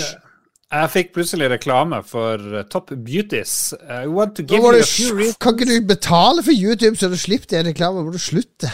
Uh, men du kan iallfall date en young slavic lady. Skal vi se. Det var jo du som trykte på sånne uh, mailorder-greier her om dagen. Potential spouse from Ukraine, Russia, Belarus. The geography is boundless. De har sånn med vilje dårlig engelsk. Jeg skal bare vite hvor tommelen din går. Tommelen din går vel ikke opp i din russiske spouse ennå? Hun er ikke der. Hvor skal tommelen din? Opp eller ned? Have you noticed that Slavic women have become more and more popular? Uh, tommel ned på det her tullespillet. Du gir tommel ned til alt, du. Ja. Jeg gir tommel opp til alt. Lars ja. tommel ned til alt. Lars er så negativ. Neste ut er Dynasty Warriors 9 Empires. Herregud. Hvem var det som sa at det var bra, bra måned? Det er jo bare drit. Nei, jeg, jeg orker bra. ikke Dynasty Wars. Jeg gir det tommel ned. Jeg er så ferdig. Jeg gir det tommel ned. Lars, gi det tommel opp, da, så ja, du kan være litt kontrær. jeg gir tommel ned, og jeg orker ikke. Okay. Total War Warhammer 3 kommer da eh, litt senere i februar. Total ja. War-serien er jo den dype eh, strategiserien som har vært alt fra Roma til vikinger osv. Eh, Warhammer så er det jo fantasy-kriger. Uh, veldig god crossover, da. Fordi Warhammer handler jo for mange om å styre svære armeer.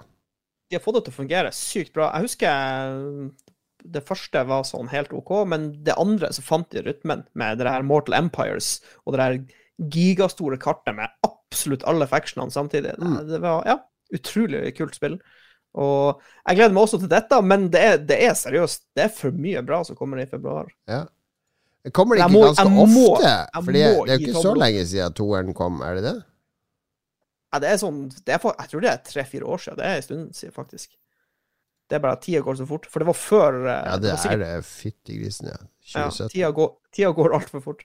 Men Warhammer må jeg gi tommel opp til. Det er lovpålagt å gi tommel Ja. opp til alt Warhammer-relatert. Jeg har alt- alltid Jeg ønska at uh, Jeg har alltid ønska at jeg skulle klart i et Total War-spill, men det er noe Jeg skjønner ikke konsekvensene av det jeg gjør, eller sammenhenger i de strategispillene. Eh, altså jeg Med en gang jeg begynner å stille opp armeen dit og dat, gå dit, og så kommer, blir det en krig, og så bare raser alt sammen. Alt blir bare kaos. Sånn er kanskje krigen. Jeg vet ikke. Ja, det, det, vanskeligste, det vanskeligste i eh, kampanjespillet der er at det er så mange factions. Eh, også hvis du begynner å breie deg veldig ut, så er det Du har begrensa hvor, hvor mange generaler og hærer du kan ha, altså fyk rundt på alle frontene dine. Så plutselig så er det noen som blir sur på deg, og så begynner de å bore seg inn eh, nederst i eh, kongeriket ditt uten at du har noen som kan komme fort. Så mister Ja. du den byen, og så mister du den byen. Så mister du en sånn synergi. Så er det bare fuck! Hele kampanjen er revkjørt. Må bare starte på nytt igjen. Min PC kan umulig kjøre det her, så jeg blir tommel ned med en gang. Nei, jeg skal gi det tommel opp, for jeg, li- jeg elsker jo konseptet. Det er bare så synd at jeg er så dårlig i de spillene har så lite tålmodighet med de. Pluss at i Creative Assembly av Sega eh, og, og Panvish eller hvem det var, de betalte jo halve bryllupsreisen min. For de tok med meg kona ned på sånn Total War Rome 2-pressetur til Roma, og så fikk jeg forleie Ja, eh, Fantastisk. Talk, eh, ja, hva, hva, hva er det de skal Ethics in game journalism. Det var helt etisk og riktig. Jeg betalte masse for meg. Det var bare kombinert med en pressetur. Ja, ja, ja. Hva er neste? Samme dagen så kommer det også King of Fighters 15. Å, nå snakker vi King of Fighters. Jeg gir øyeblikkelig tommel ned, fordi jeg liker ikke de spillene der. Det er sånn det er dårlig Mortal Kombat. Det er Hvorfor, liksom... hvorfor sånn spiller jeg King of Fighters i stedet for Mortal Kombat? Nå får jeg reklame igjen. Jeg får aldri sett på de spillene vi skal se på. Du må abonnere på YouTube. eh, Nå er det power-reklame. Det var morsommere med Slavic Women. Skal vi se, er det King of Fighters Jeg, orker ikke det. Orker ikke slåssespill lenger. Jeg kan nyte de for estetikken. Jeg liker å se på det. Så liker jeg å drømme om at en dag skal jeg finne et slåssespill som jeg putter nok tid og energi i til å mestre. Men det kommer ikke til å skje, jeg vet det. ja, jeg blir, Det blir tommel ned. Å, oh, trippeltommel ned. tommel ned! Trippeltommel ned. Trippel tommel ned. King of Jeg liker konseptet, men jeg gidder jo aldri å lære meg det Og dagen etterpå, Oi! dag, dagen etter King of Fighters Da er det fest i. PlayStation-leiren. Ja da! Da feirer han Lars. Ja, hvis, han- hvis han får kode. Hvis ikke, så blir det ikke mye feiring. Rett, rett inn i photo-mode. Yes. 4K. Forza Yeah. Horizon uh, Zero Dawn. Eller hva det er for For, Forbidden West. Men hvorfor heter det Forbidden West? Er det, at, er det ikke lov til å dra vestover? Tja, Kanskje sånn politisk. Ja, jeg er ikke sikker. Jeg er ikke sikker, men det er i hvert fall det nye du, kan dra, du kan dra sør, du kan dra nord, og du kan dra øst. Men du må ikke Mm. finne på å reise vestover. Nei. Nei Kan du reise sør-vest? Du kan dykke. Det er mye sånn under vann, har hva jeg har fått inntrykk av i uh, trailerne. Ja. Mye beach. Uh, sånne ruiner ved havet. Så jeg gleder meg veldig til å dykke. Jeg elsker å, å være under vann i spill. Jeg vet ikke hvorfor. Takk for meg. Og vanneffekter. Jeg husker ikke hvem var det Jostein Hakstad som drev og snakka om vanneffekter. Hvordan spiller best vanneffekter? Det er veldig viktig for meg. Så det, det er også veldig interessant. Ja, det er rart du sier det, fordi du har jo fortsatt ikke bada etter du lova Dere vet hvordan spill som har best det var- Dere vet hvordan spill som har best vanneffekter? Wave Race til Nintendo 64. Det er jo Sea of Thieves, folkens. Ja, det er veldig bra, det her. Ja, det er veldig Ja. pent her Men eh, Horizon det, det første eh, Det var jo bra. Det var litt sånn Mm. pertentlig. Eh, Jeg, jeg syns det var litt sånn slitsomt å drive og skyte ut sånne feller og fange de her og, og drepe de her robotdinosaurene og sånn. Eh, og så kom kan du- kan Breath of the Wild eh, kom jo samtidig, så jeg begynte jo på Horizon. Og så begynte jeg å spille Breath of the Wild, og da var det mulig å gå tilbake til Horizon med sånne her hidden borders. Altså, her kan du ikke klatre opp. Hvorfor ikke? Jeg jeg har akkurat spilt Fremtiden, der kan du klatre opp overalt. Det er mulig det er litt mer, for jeg ser de har den der eh, glideren fra Breath of the Wild. Du kan jo liksom floate med sånn paraply nedover. Ja. Det ser jo veldig bra ut, da. Det ser, det Eh, ser visuelt helt amazing ut. Jeg fullførte jo hele. Jeg tror til og med platinum av det jævla første Horizon. Ja, ja, ja, du er jo stor fan. Big fan. Ja, det var ikke så mye. Det var, det var et stort spill, mye områder, men det var veldig begrensa hva du kunne gjøre, egentlig. Så det, Men er det ikke, er det ikke bedre med en sånn liten, supertight design av verden enn Ja, ja, en stor verden som er tom? Det er Jeg syns det. Ja, Jeg snakker Dying Light 2 her. Ja. ja, ikke sant? Uh, nei da, men uh, det, det kommer jo til å slå an dette. Guerrilla Studios er on track med denne spillserien. Det var så bra at de gikk bort fra den der meningsløse Killzone-serien og fant mm. noe nytt og, og fargerikt Ja. og, og friskt. virker som de har funnet, gro grooven sin litt. Så det blir, litt sånn her- blir det tommel opp, Lars? Det er det jeg lurer på?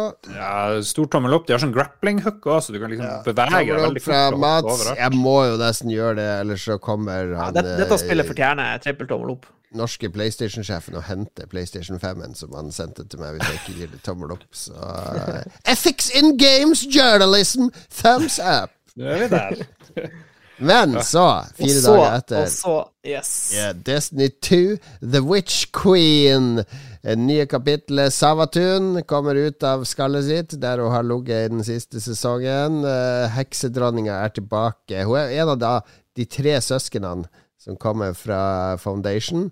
Eh, ikke den eh, Apple TV-serien og Asimo-bokserien, men det var de som eh, skapte Hive-rasen, da. Eh, Og nå har de plutselig light magic. ja, Eller light powers, eller the light. Wield the light! Will the light. De har vært i Hive krig med med, menneskeheten. Oryx var jo broren til Savatun. Uh, han husker jo fra Destiny 1. Han slo vi jo i Taken King.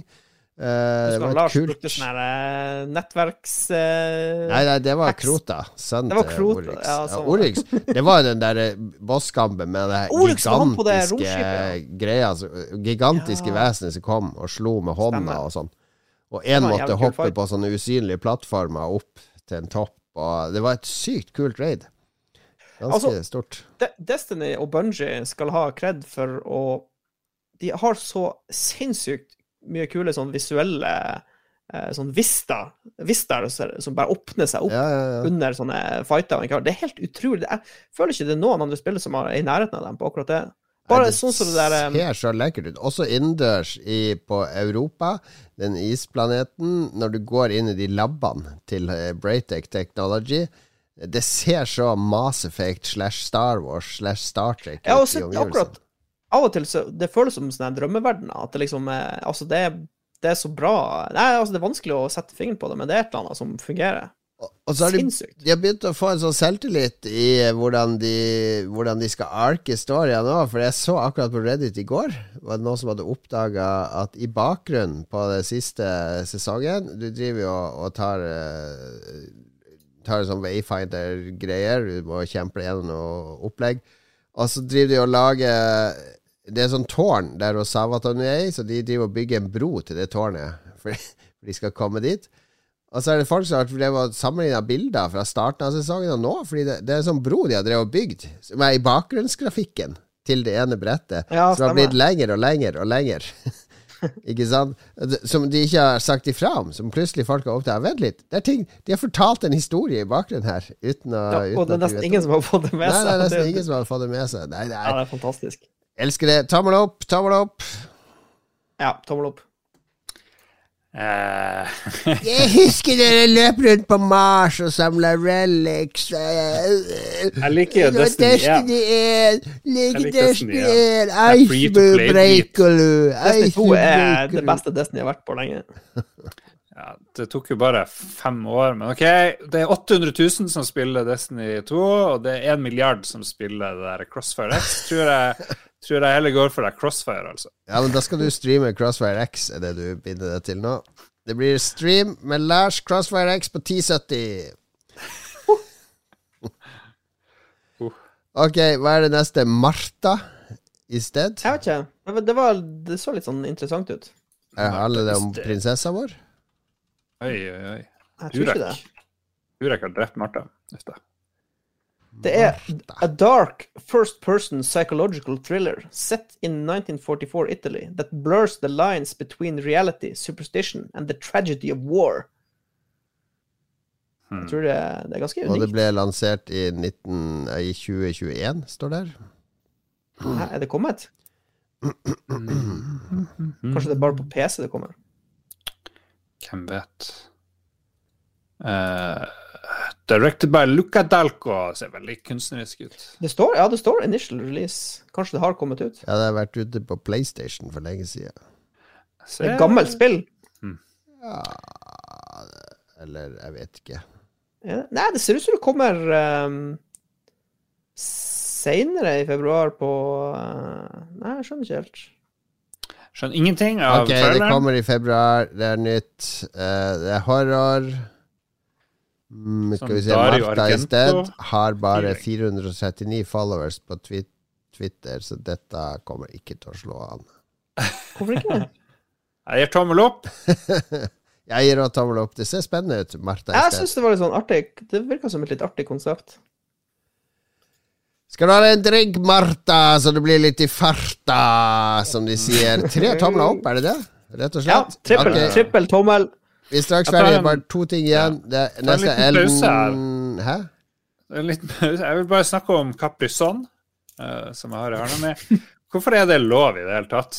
Eh, det er liksom én desiliter væske i en sånn svær plastcontainer, og så prøver de å være eh, hva det heter, miljøvennlige med å ha et papprør som du skal drikke gjennom. Men er det plast det der? Det ser ut som noen sånn slags folie. Ja, det er ikke plast. Er det Jo, ja, det er, er ikke det plast? Nei, er ikke det noe sånn eh, alufolieaktige greier? greier? det er jo ikke bra, det heller. sånn recycle-merke på det? Jeg skal aldri kjøpe Caprisonne. Jeg skjønner ikke hvorfor noen kjøper det. Slutt å kjøpe det. Lag noe heller saft. Kjøp noe saft. Fuck det her Caprisonne. Takk for meg. Og dette er sånne sponsa innslag fra Caprisonne, der du skulle lese opp en tekst der du endorsa Caprisonne. Free, Freestyle-reklame for Caprizon.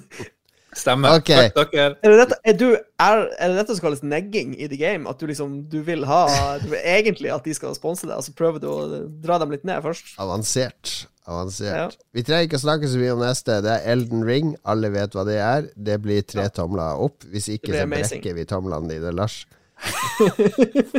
OK, OK.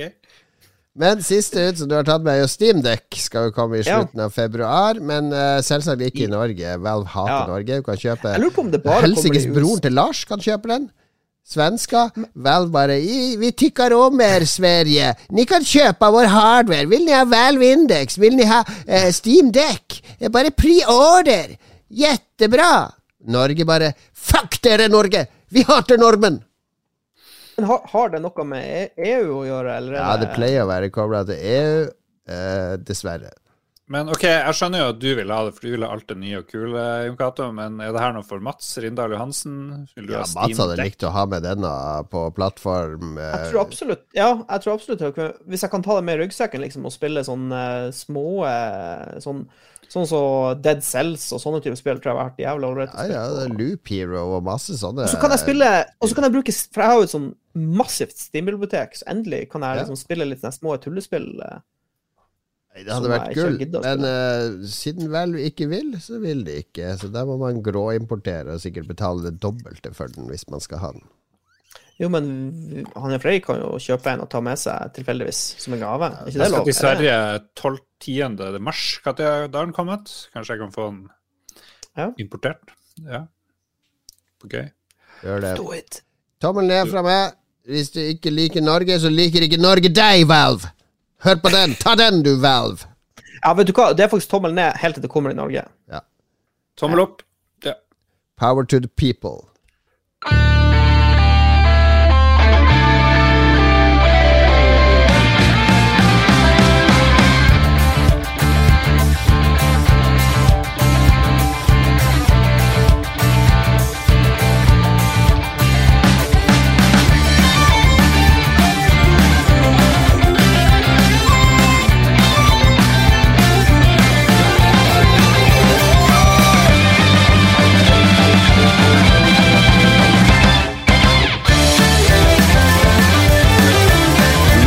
Koser vi oss her med litt musikk fra megasuksessen. En av fjorårets største spillsuksesser, Genshin Impact. eh, Rett og slett det kinesiske mobilspillet. Nice. Vi Nice. kan, vi kan på, eh, Både jeg og du, Mats, har vel fått eh, våre green screens i posten, har vi ikke det? Ja. Det. Har du kjøpt green screen? ja, de kosta jo de fikk, Du fikk de gratis i posten. Så Ah, ja. det var jo Det kosta sånn du, du, du la inn en sånn kode på komplett, Ja. så var det sånn minus 87% rabatt. Eller noe sånt. Så det var en sånn gigasvær green screen som kosta Det blir dødsbra. 122 kroner. Ja, Og så var det gratis frakt. Jeg føler at liksom jeg har gjort at jeg har lurt noen ved å bestille den her. Kanskje du har blitt lurt, for du åpner den, så er den brun. Ja. Nei, sånn- bare få det rigga opp, få det streama. Det, det er det det handler om. Og nå skal det anbefales ting, og det blir ikke green screen, eh, rett og slett. Eh, ok, dette, dette ser dårlig Jeg begynner med det beste. Det er sikkert min. Eh, jeg var på hytta. ungen ble sjuk lørdag kveld. Kona gikk og la seg med han. Ok, er, klokka er halv ni. og den Jeg må si, Melodi Grand Prix, de her delfinalene Herregud, så dårlig. Det Det er så. Det er altså så dårlig produksjonskvalitet, og det er ganske dårlige låter. Min Men halve NRK er jo syk. Det er jo så vidt de klarer å lage det da. Det er så vidt de klarer å lage det, og det merkes. Det merkes at det går på er, Har du noen låtfavoritter ennå, Lars? Uh, Subwoolfer, den der uh, banan-Wolf-låten er jo bra. Den er kul.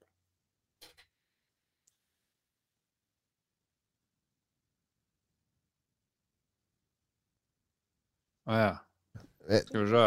Jeg, jeg må innrømme, meg og mine barn Vi har fått på hjernen den der uh, I stole the hammer of Thor, I stole the hammer of Thor, og så videre. Ok. Hvem som har den sangen? Ja, ja. Den har vi Ja. sunget mye i det Men den er jo gørrkjedelig. Det er jo det samme hele tida. De synger bare 'I stole the hammer of Thor'. Ja. Altså, og det, det og så er det sånn her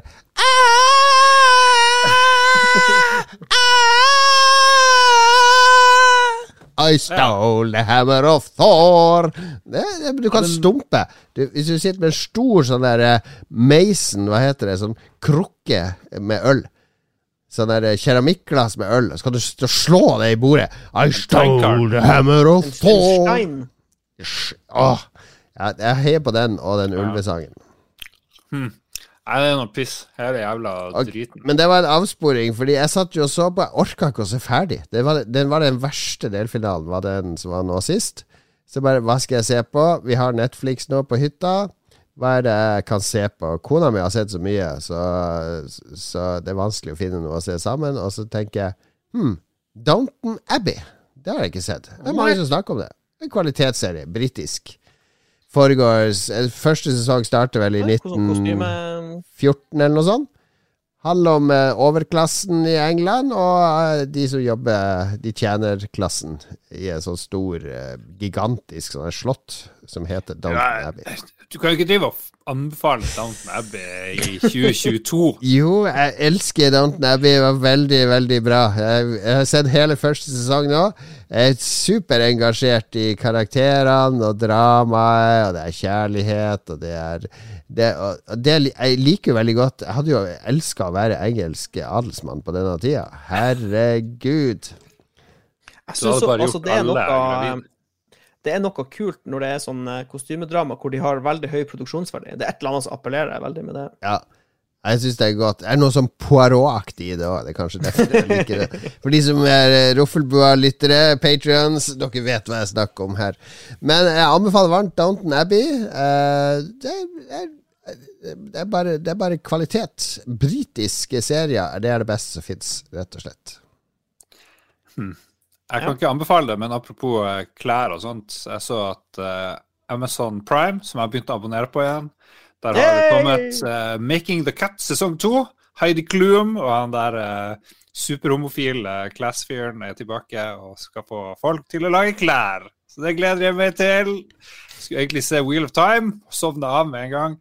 Skal heller se Heidi Klum. Det er ok, jeg kan anbefale det. Uh, Ja, Lars, hva du vil anbefale? ja, jeg fikk besøk her om dagen av han Kien, vår venn, og Mats Rindal Johansen. Og med seg Ja. så hadde dere hva for noe? Jeg vet ikke hva Det det var det en sånn eh, varmelekkasjemåler. Ja, den, det er sånn Du bare trykker, det ser ut som en pistol, og så trykker du, og så måler den hvor, hva temperaturen er der du sikter, for å si det sånn. Ja. Og fordi En varmesensor. Ja, for det, det, er jo, det er jo enormt strømforbruk. Eller kuldesensor. Ja. Det er jo et enormt strømforbruk i det huset, det vet vi jo, så Hva betalte du i regning i desember? Jeg vet ikke, jeg husker ikke. Det er, helt Det er jo gratis strøm i Nord-Norge nå. Ja, Nord-Norge ja, kan ikke sammenlignes. Betalte du mer enn 1000 kroner i måneden? Jeg er jo syk i hjernen. 2000? Tror du har nærma seg 5000 i Ja, ok. Ja, ja, ja. Det er mer enn jeg betaler. Ja, det er det snakke. Ja, Jeg, men jeg eh, lurer på hva du hadde betalt med prisene på Østlandet. ja, ja, ja.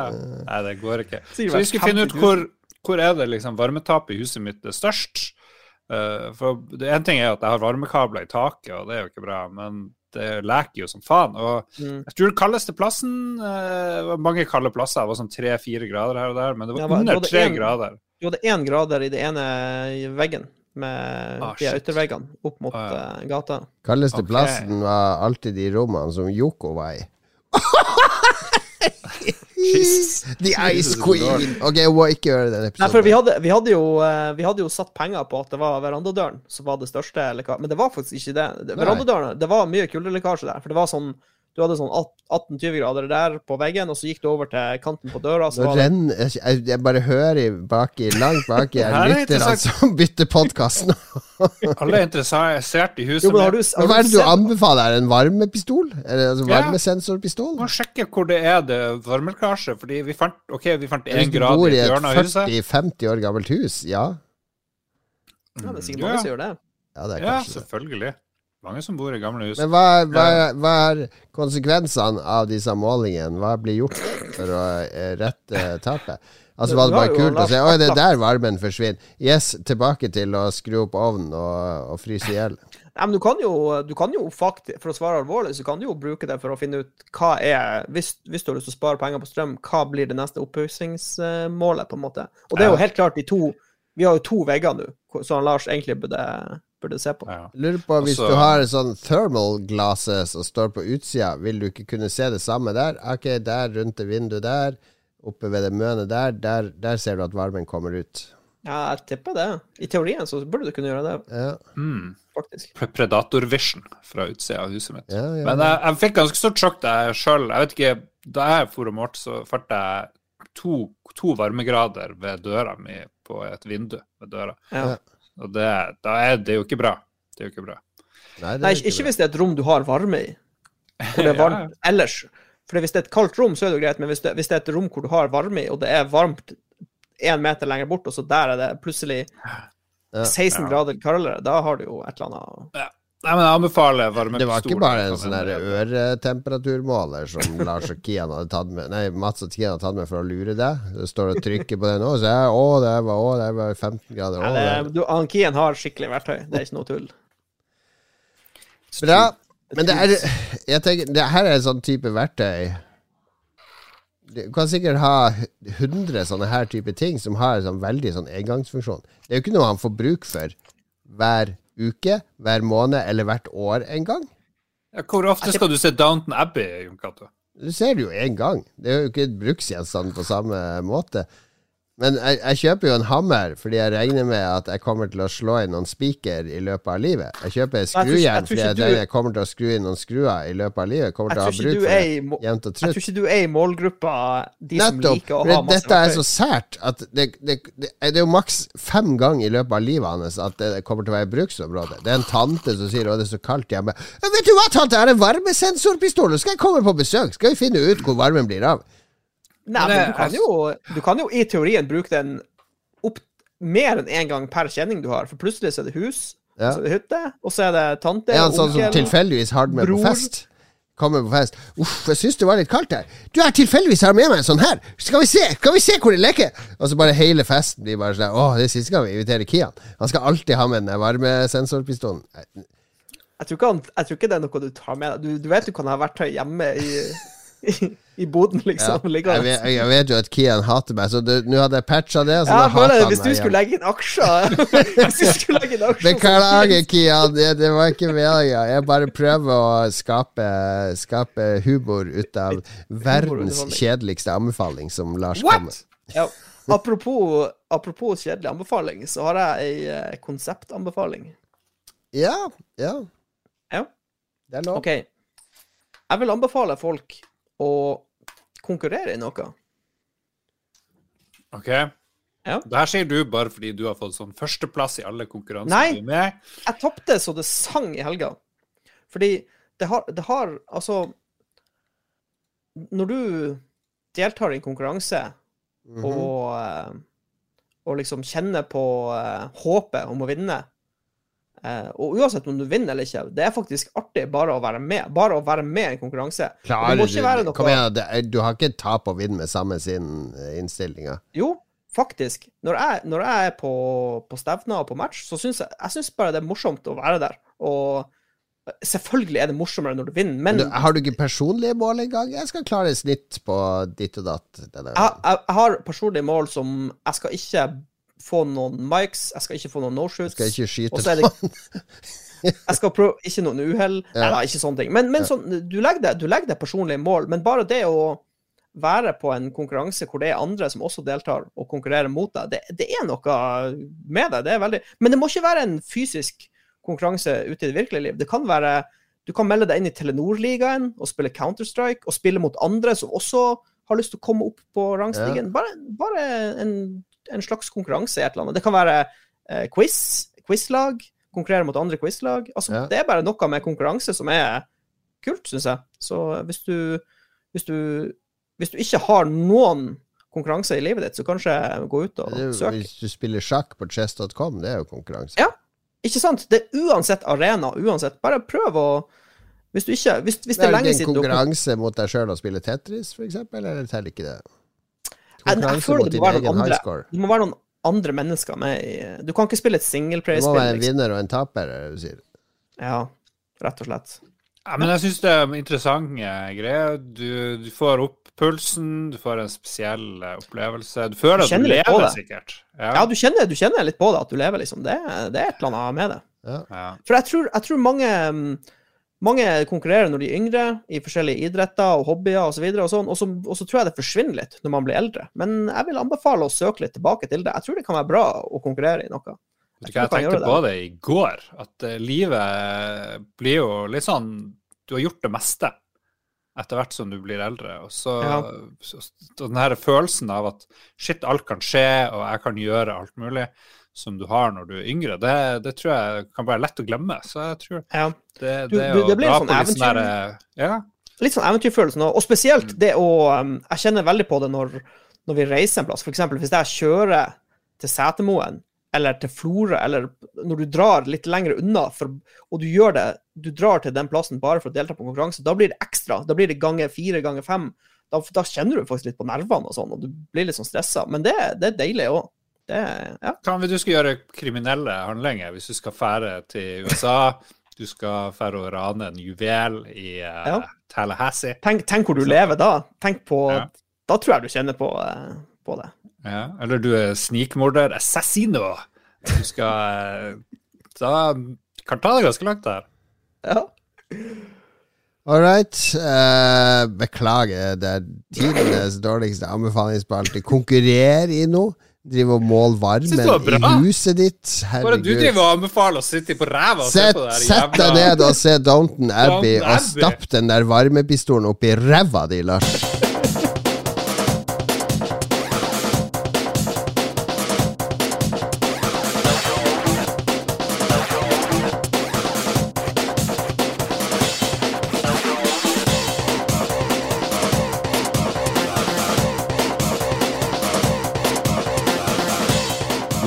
EDM fra Nintendo DS der, og rett og slett Bomberman 2 i Nintendo DS-versjonen. Det er mye fet uh, elektronika i Bomberman-spillene, faktisk. Eh, De har en sånn periode der med, med ganske kult soundtrack. Mye 303 i det ene soundtracket, faktisk. Jeg husker vi spilte Bomberman veldig tidlig på PC, og det var. Du ble sykt stressa når du ble fanga i et sånt hjørne og Ja. du ikke kunne rømme, og du bare står og venter på at en bomba skal drepe deg. Ah. Det var en sykt ekkel følelse. Ja, men det er konkurranse. Ja, konkurranse. Jeg vil bare se på Downton Abbey. Hør den dårlige parodien. Skulle det være meg, liksom? Ja, ja. Jeg skal jobbe med den. Ok, bare, bare Ok. pass deg du, ellers så tar vi og vekker parodispalten. Eh, oh, til liv igjen til neste episode. Den er jo dritbra. Ja. Oh, eh, det, er ikke, det er ingen som ønsker den tilbake. Ingen lyttere er som har sagt 'bring den tilbake', så, så den skal få lov å forbli død. Men vi har eh, noen lytterspalte. Det er vel kanskje restemat fra forrige gang? Nei, jeg tror det er Nei, nytt. For vi fersk- hadde masse hjemme fra sist, men jeg klarte ikke å finne det igjen, så jeg vet da faen. Det må vi sikkert Vi kan, eh, dem, liksom. vi kan eh, researche dette neste gang. da. Ja. Mats, eh, du må ta kontroll her. Ja, han eh, Lars spurte rett og slett eh, hva skal vi snakke om, og hva er du opptatt av for tida? Og det var jo ganske åpent, vil jeg si. Ja. Så vi fikk rett og slett eh, Det første vi fikk, var fra han Otto Erlend Gregersen. Otto! Han, han lurer på rattkjelke versus akebrett. Pros and cons. Hva skal det smøres med? Talglys eller nymotens glider med fluor? Eller glider, jeg vet ikke. Fluor er jo skadelig for miljøet. Ja, fluor er ut.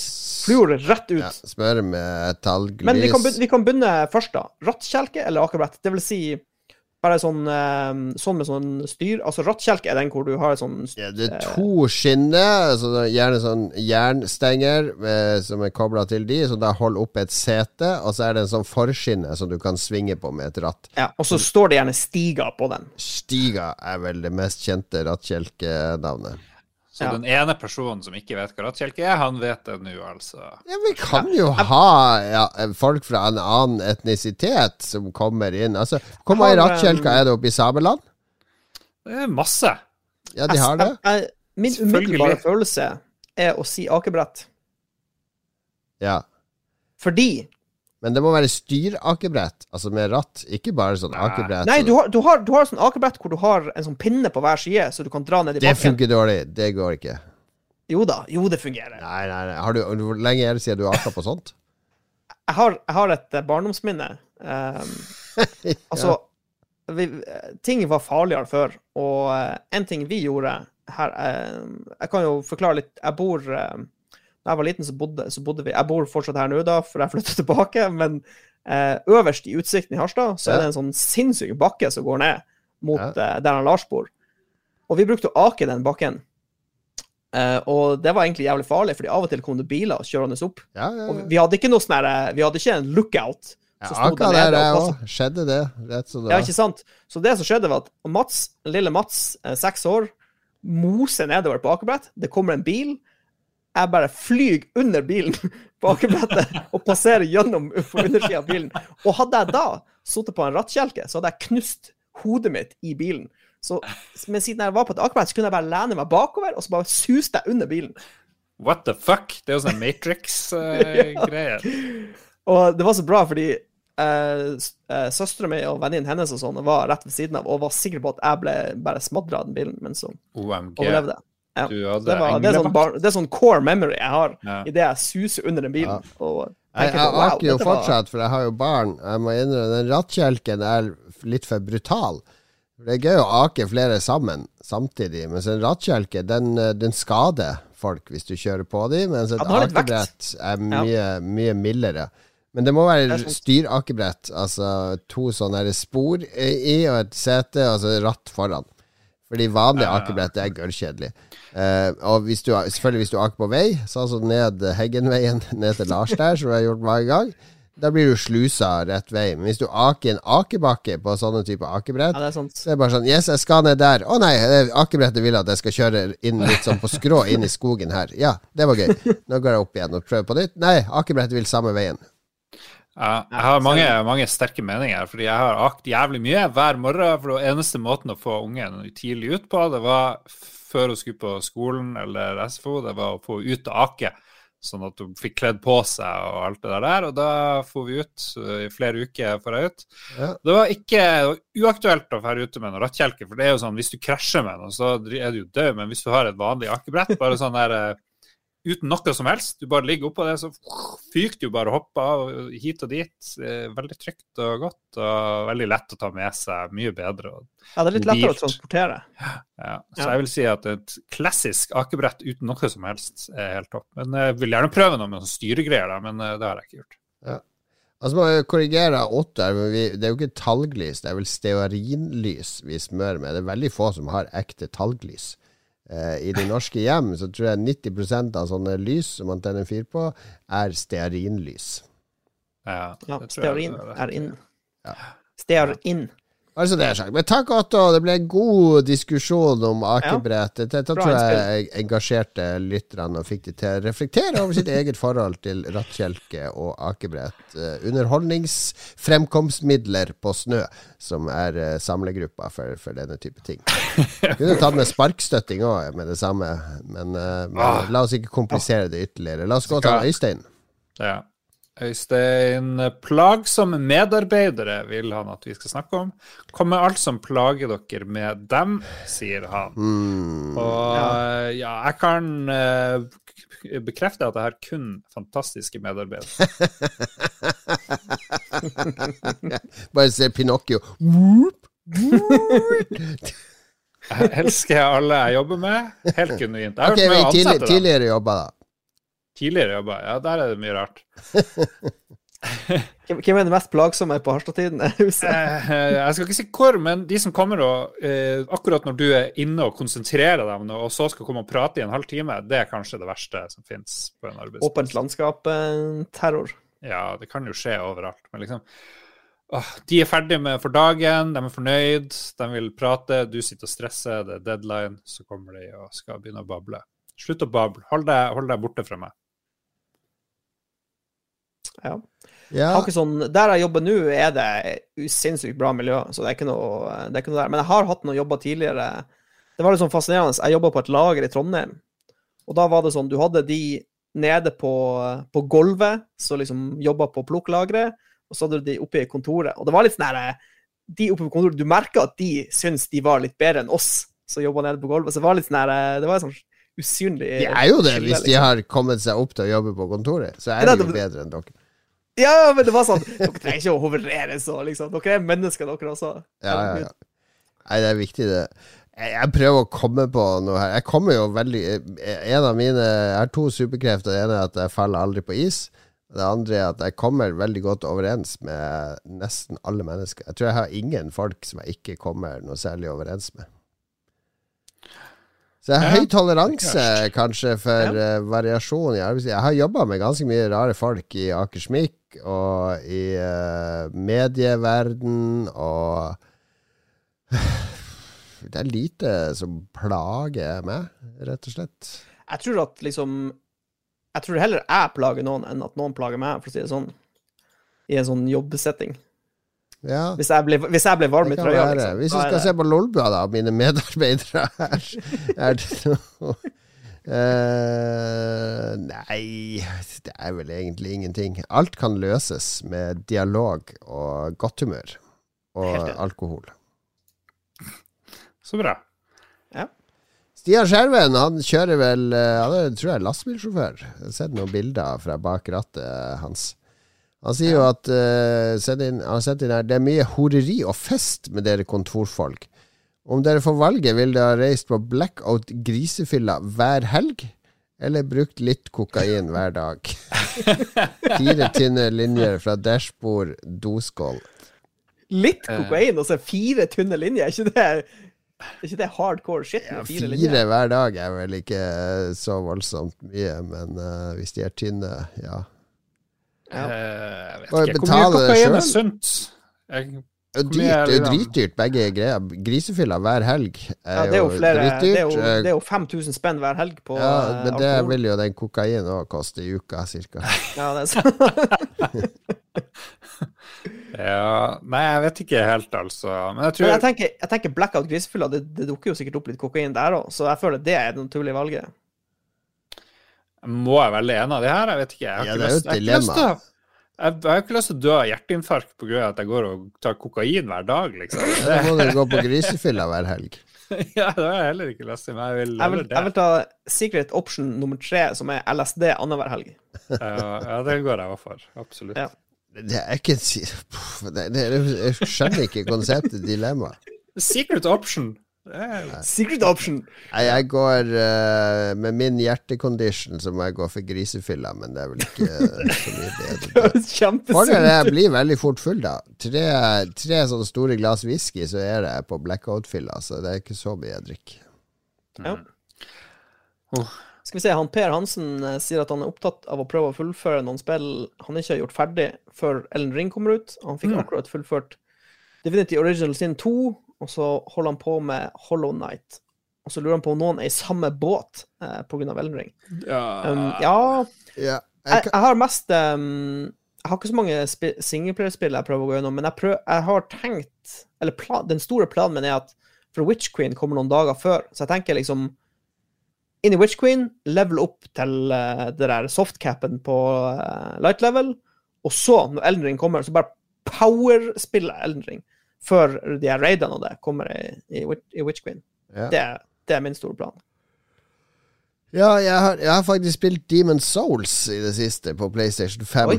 Eh, for det bare testa jeg litt uh, da jeg fikk PlayStation 5, for da var det bare Returnal som gjaldt.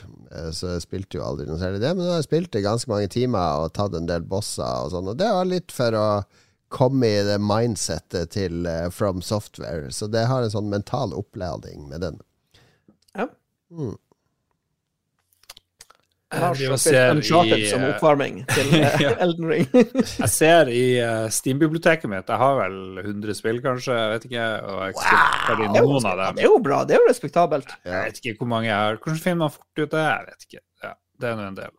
Men her, hele Back to the Future-greia.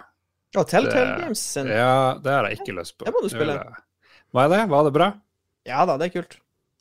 Adebeth Soleil lurer på hvilket spill uten en god story endte likevel opp med å være bra fordi man bare hadde det kult. For meg så er det nesten alle spill. Ja, jeg skulle, jeg skulle si dette betyr ingenting for 90 meg. av, Ja. av spill. Spill som har, Ja. som har cool gameplay.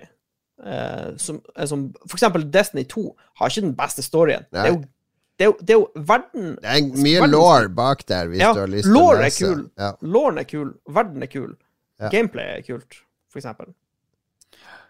Absolutt. Uh, World of Warcraft har ikke veldig god story, men det har uh, et kult spillunivers som det er i. Jeg vet ikke. Det er nesten ingen spill som har god story, så det, Ja. sånn er det jo bare. Ja. Det, det er det billige svaret. André Vollan, hvordan fullføre spill sliter? Eh, Alltid noe interessant som dukker opp. Jeg tror der er du, Jon Cato, mesteren av å aldri fullføre noe som helst, egentlig. Fordi du, du jager etter det nye og kule, og så bare Nei, det fullføre Det er fordi mange spill varer for lenge, rett og slett. Så da er det ikke noe vits å fullføre de. Det er det samme med TV-serier. Eh, Jeg fullfører bare ja, sikkert under 40-30% av TV-serier jeg begynner på. Så er jeg en halv første sesong, og så tenker jeg nå er jeg mett. De, de, det går for tregt. Det er for lite progresjon. Det er ingen utvikling. Ha det. Har dere sett ferdig. Witcher, eh, Netflix, Nei, to sesonger? Hvis, hvis, hvis man ender opp med å tvinge seg gjennom en film eller TV-serie eller spill, så har jo det Da har du jo feila helt, for da har du ikke kost deg. Så det er jo ikke noe poeng å bare tvinge seg til å, til å fullføre noe. Nei. Med mindre Det, det, kan, det finnes unntak. Det er kanskje noen TV-serier hvor kanskje første sesongen ikke er den beste, og så tar det seg sinnssykt opp. Da kan det være verdt å pine seg litt for å komme til godsaken. Men spill, jeg vet ikke, det, er ikke noe, det må ikke være noe ultimat mål å gjennomføre et spill, syns jeg, egentlig. Ja. Du, må, du må ikke på død og liv gå gjennom hele spillet. Så lenge du koser deg. Ja. Eh, Joakim Strandberg lurer på om vi kan ha en spalte om spill. Spesielt ønsket er en anbefaling av spill ut ifra en nakenhetsindikator. OK? Ja. Vi har det kona, norske Konan-spillet der hvor du kunne velge sånn pupper og penis og sånt. Hvor stor var- penis du har. Jeg tror det var en greie. Men Eh, Jeg føler vi har nå um, Vi har jo akkurat hatt en eh, lang spalte om alle spillene som kommer ut i februar. ja, Så da. kravstor han er. Ja, jeg tror han eh, Joakim blir veldig happy når han får, får det for Ja, seg. jeg tror når han hører den februarspalten, så kommer han til å flippe ut. Så må du høre den Ragequit uh, timeout, eller hva farsken heter for noe, episoden, hvor vi hadde snakka bare om eh, Skyrim. Der hadde jeg en lang seanse om nude og sex. Eh, Ja, det er, det er jo litt fascinerende, er når, de, eh, når, når du plutselig åpner opp for mods og sånn i spill. Hva er det som skjer da? Jo, folk lager sånn uh, huge slong-mod. det, det tar liksom ett minutt før det dukker opp på Nexusen. Det er fascinerende.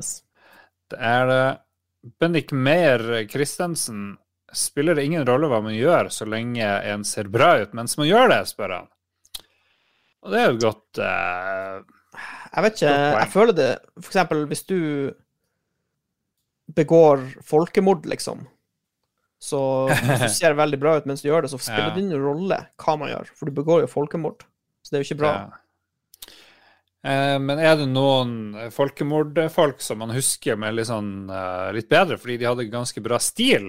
Eh, Og var det av at de gikk i noen sånn klær eller hadde en sånn kul T-skjorte eller et eller annet sånt? Jeg vet ikke. Che Guevara han ble jo kjent for sin stil. Jeg vet ikke om han drev med sånn folkemord, men han var jo mer sånn Ja. opprører. Han hadde jo veldig Kanskje, bra stil. kanskje, mer, kanskje mer aktuelt for seriemordere. Hvis du ser veldig bra ut, liksom, så blir du kanskje huska i litt bedre lys enn hvis du er veldig stygg seriemorder. Ja, kanskje. han James Bond gikk eh, flott kledd med dress og slips. Uh, Uncharted-fyren og Hva var han het? Han som hadde sånn her uh, hode i kjøleskap og sånn. eh, var det Bundy, var det det? Ted. Al Bundy. Al- Bundy. skoselgeren. Ted Bundy var ikke det Unabomber. Han hadde ikke noe hode i noe. Han Nei, hva bare, han het han? Uh... Ted Bundy. Ted Bundy. Jeg var ikke Ted Bundy, jo. Han var jo veldig karismatisk. Han ble, jeg mistenker at han ble liksom Jeg vet ikke, fikk han noen plusser liksom siden han så bra ut og var karismatisk? vi driver og prøver å finne ut om eh, eh, man kan gjøre hva som helst så lenge man ser man, så bra lenge man ser bra ut mens man gjør det. Ja, men det, er det handler jo ikke om at du er ben, men at du har bra stil mens du gjør det. Ja. Ja. Ja. Det er Ja. det vi Men det er, jeg For eksempel ikke hadde det vært ok hvis ti personer ble plaffa ned på torget i Harstad, hvis eh, Lars som skøyt de ned, gjorde de som John Woo-stil. Hoppa sånn sidelengs med to gunnere i sakte film og skøyt ned folk på torget. Det hadde vært Ja, det var tragisk at de mista livet, men herregud, så kult det så ut. Jeg tror du er inne på noe. ja. Og så fikk vi en aller siste en fra Joakim. Drøft om ulike deler av norsk spillbransje kan øke den seksuelle bevisstheten hos utsatte grupper. Kan spillsex være et remedie for å hindre incel-terror? Jon Cato er for, for, Lars Rikard er mot, og Mats er enig med begge to hele tida. Det høres egentlig ut som fasiten, det. Mm, ja, men jeg tror jo det, den norske spillbransjen eh, gjør noe her. Vi, det er jo flere Altså, det, det er jo en ganske frigjort gjeng. Eh, Ok, for å si det sånn, når, når enten A, sexrobotindustrien blir bra nok, eller du får noe sånn The Matrix-greier, hvor du kan bare plugge deg inn og ut, leve ut i den villeste fantasier, da tror jeg incel-problematikken blir eliminert på dagen. Men incel handler jo om mer enn bare sex. Det handler jo også Gjør- gjør om det? å bli elska og likt og sett. Og det er Ja, men da må de slutte å være så jævlig trasige, da. Ja, De er ganske trasige, så det er jo ikke rart at de ikke Ja. blir likt og sett. Hvis du er trasig kar, så er det ingen som liker deg. Sorry, Kiss. Jeg tror, jeg tror incels, de som måtte identifisere seg som det, det, Jeg tror ikke det har så mye med egentlig hvordan de er, men at de har havna i en litt sånn kjip situasjon. For jeg tror det er masse trasikarer som har syv unger. Uh, og sånn. Ja, det, er med det er faktisk et godt poeng, Lars. Er det, er et sånn alfamail sånn som meg, som har barn med flere mødre og sånn, eh, som bare damen kaster seg på? Bare Ja. eh, gi meg barn. Jesus lord. Snakker bare av egen erfaring her til, eh, til eh, Damen kaster seg over deg. Hva, du var sånn der eh, Du fikk dame som hadde skikkelig dårlig syn. Det er det min teori er. Og vet ikke hvordan du ser ut. Men jeg er ikke Du er bra burns her. Jeg kjenner ikke så mange jeg, jeg identifiserer meg ikke som incel, men jeg identifiserer meg som eh, indrunk. Jeg blir ofte involuntary drunk. Det er sånn der, Jeg skal bare ha en pils etter jobben, og så bare Å, herregud, hva skjedde da? Plutselig, plutselig står du midt i en tunnel ja, ja. ja. Jeg er indrunk. Jeg er indrunk. Det er en diagnose. Ja. Ja, bra. Nå begynner det å ta seg opp her på slutten. Det var noen Det var et par highlights i episoden, men sånn overall yeah, terningkast fire. Men det, kanskje vi får det opp på fem, yeah. hvis dere er litt kreative nå, så vi skal takke våre produsenter, Lars og Mats. Dette nailer dere som et tag-team fra helvete. Dundre inn i ringen. Ed McMahon roper i skrek Who are those, these two guys from Norway? Look at this tag team! Les opp produsentene. Hello, my name is Mats, and I'm here to call out some producers. Jeg vil gjerne takke Anne-Beth. Og så vil jeg takke Ah, I'm the greatest wrestler in the world, Kral Nor. Call me Björn. My shtick is I put my socks in your mouth. Ah, Mankind. Mankind. Faen, jeg, jeg må eh, lese meg opp på wrestler eh, eh, The cream of the crop rises to the top, just like Duke Jarlsberg. Oh yeah. Oh yeah. Oh baby. Well, well, well, well, my name is Göran Helge Nilsson. Can you smell what the urine is cooking? On fire. Come on, next wrestler, please. Come on, brother. Come on down. Come on down to Hulkmania. I want to call out Kenneth Cooper Car 84, brother. Oh yeah. Oh, yeah. And I'm the manager of Cobra Car. I'm Uncle Stian. Look at my cowboy hat. He is the greatest wrestler of all time. Anna. Where were you when The Undertaker threw Sean 59 from 15 tables? All right. Uh, last but not least. Ah, hello. I am TDMXMP. I'm the, the diva, the motherfucking diva queen, TDMXMP. Woohoo! Og husk, Jerliter, du kan bli en av disse. Det er bare blitt produsent på vår Patrion-side. Men hvis du har bedre ting å bruke pengene på, no sweat. Vi gir deg alle episoder av Lolbua, Ragequit og Likos univers. Får du i din feed, eller i dine feeds, eh, hver eneste uke. Neste uke, episode 389. Da er, det, da er vi enda nærmere både Destiny og Elden Ring og Salvation. Ja. Kredit. Gledes. Kreditt du, Takk til uh, alle som hører på oss. Takk til uh, Red Crew, som har vært med oss fra start av. Takk til Dajis og Christian og Steelboy, som lager Ragequid. Takk til Espen og uh, Lico, som lager Licos univers. Takk til uh, Philip. Philip, som streamer et tonn med innhold for oss, sammen med venner og fiender av Lolbua. Takk til dere to som var med i dag, Lars og Mats. Takk Hell til yeah. Og takk til resten av stallen vår, Katarina og hvem andre som bruker å, å hoppe inn med behov. Er det bare Katarina? jeg We have a lot of people, a lot of dudes. Ja. Hvis jeg har glemt noen, det er dere jeg er mest glad i. Vi hører musikk. Vi, vi må slutte av nå. Det ble veldig dårlig avslutning. Det var like dårlig avslutning som starten, rett og slett. Men eh, der, da, ble det en, da ble det en fin loop. Ha det bra!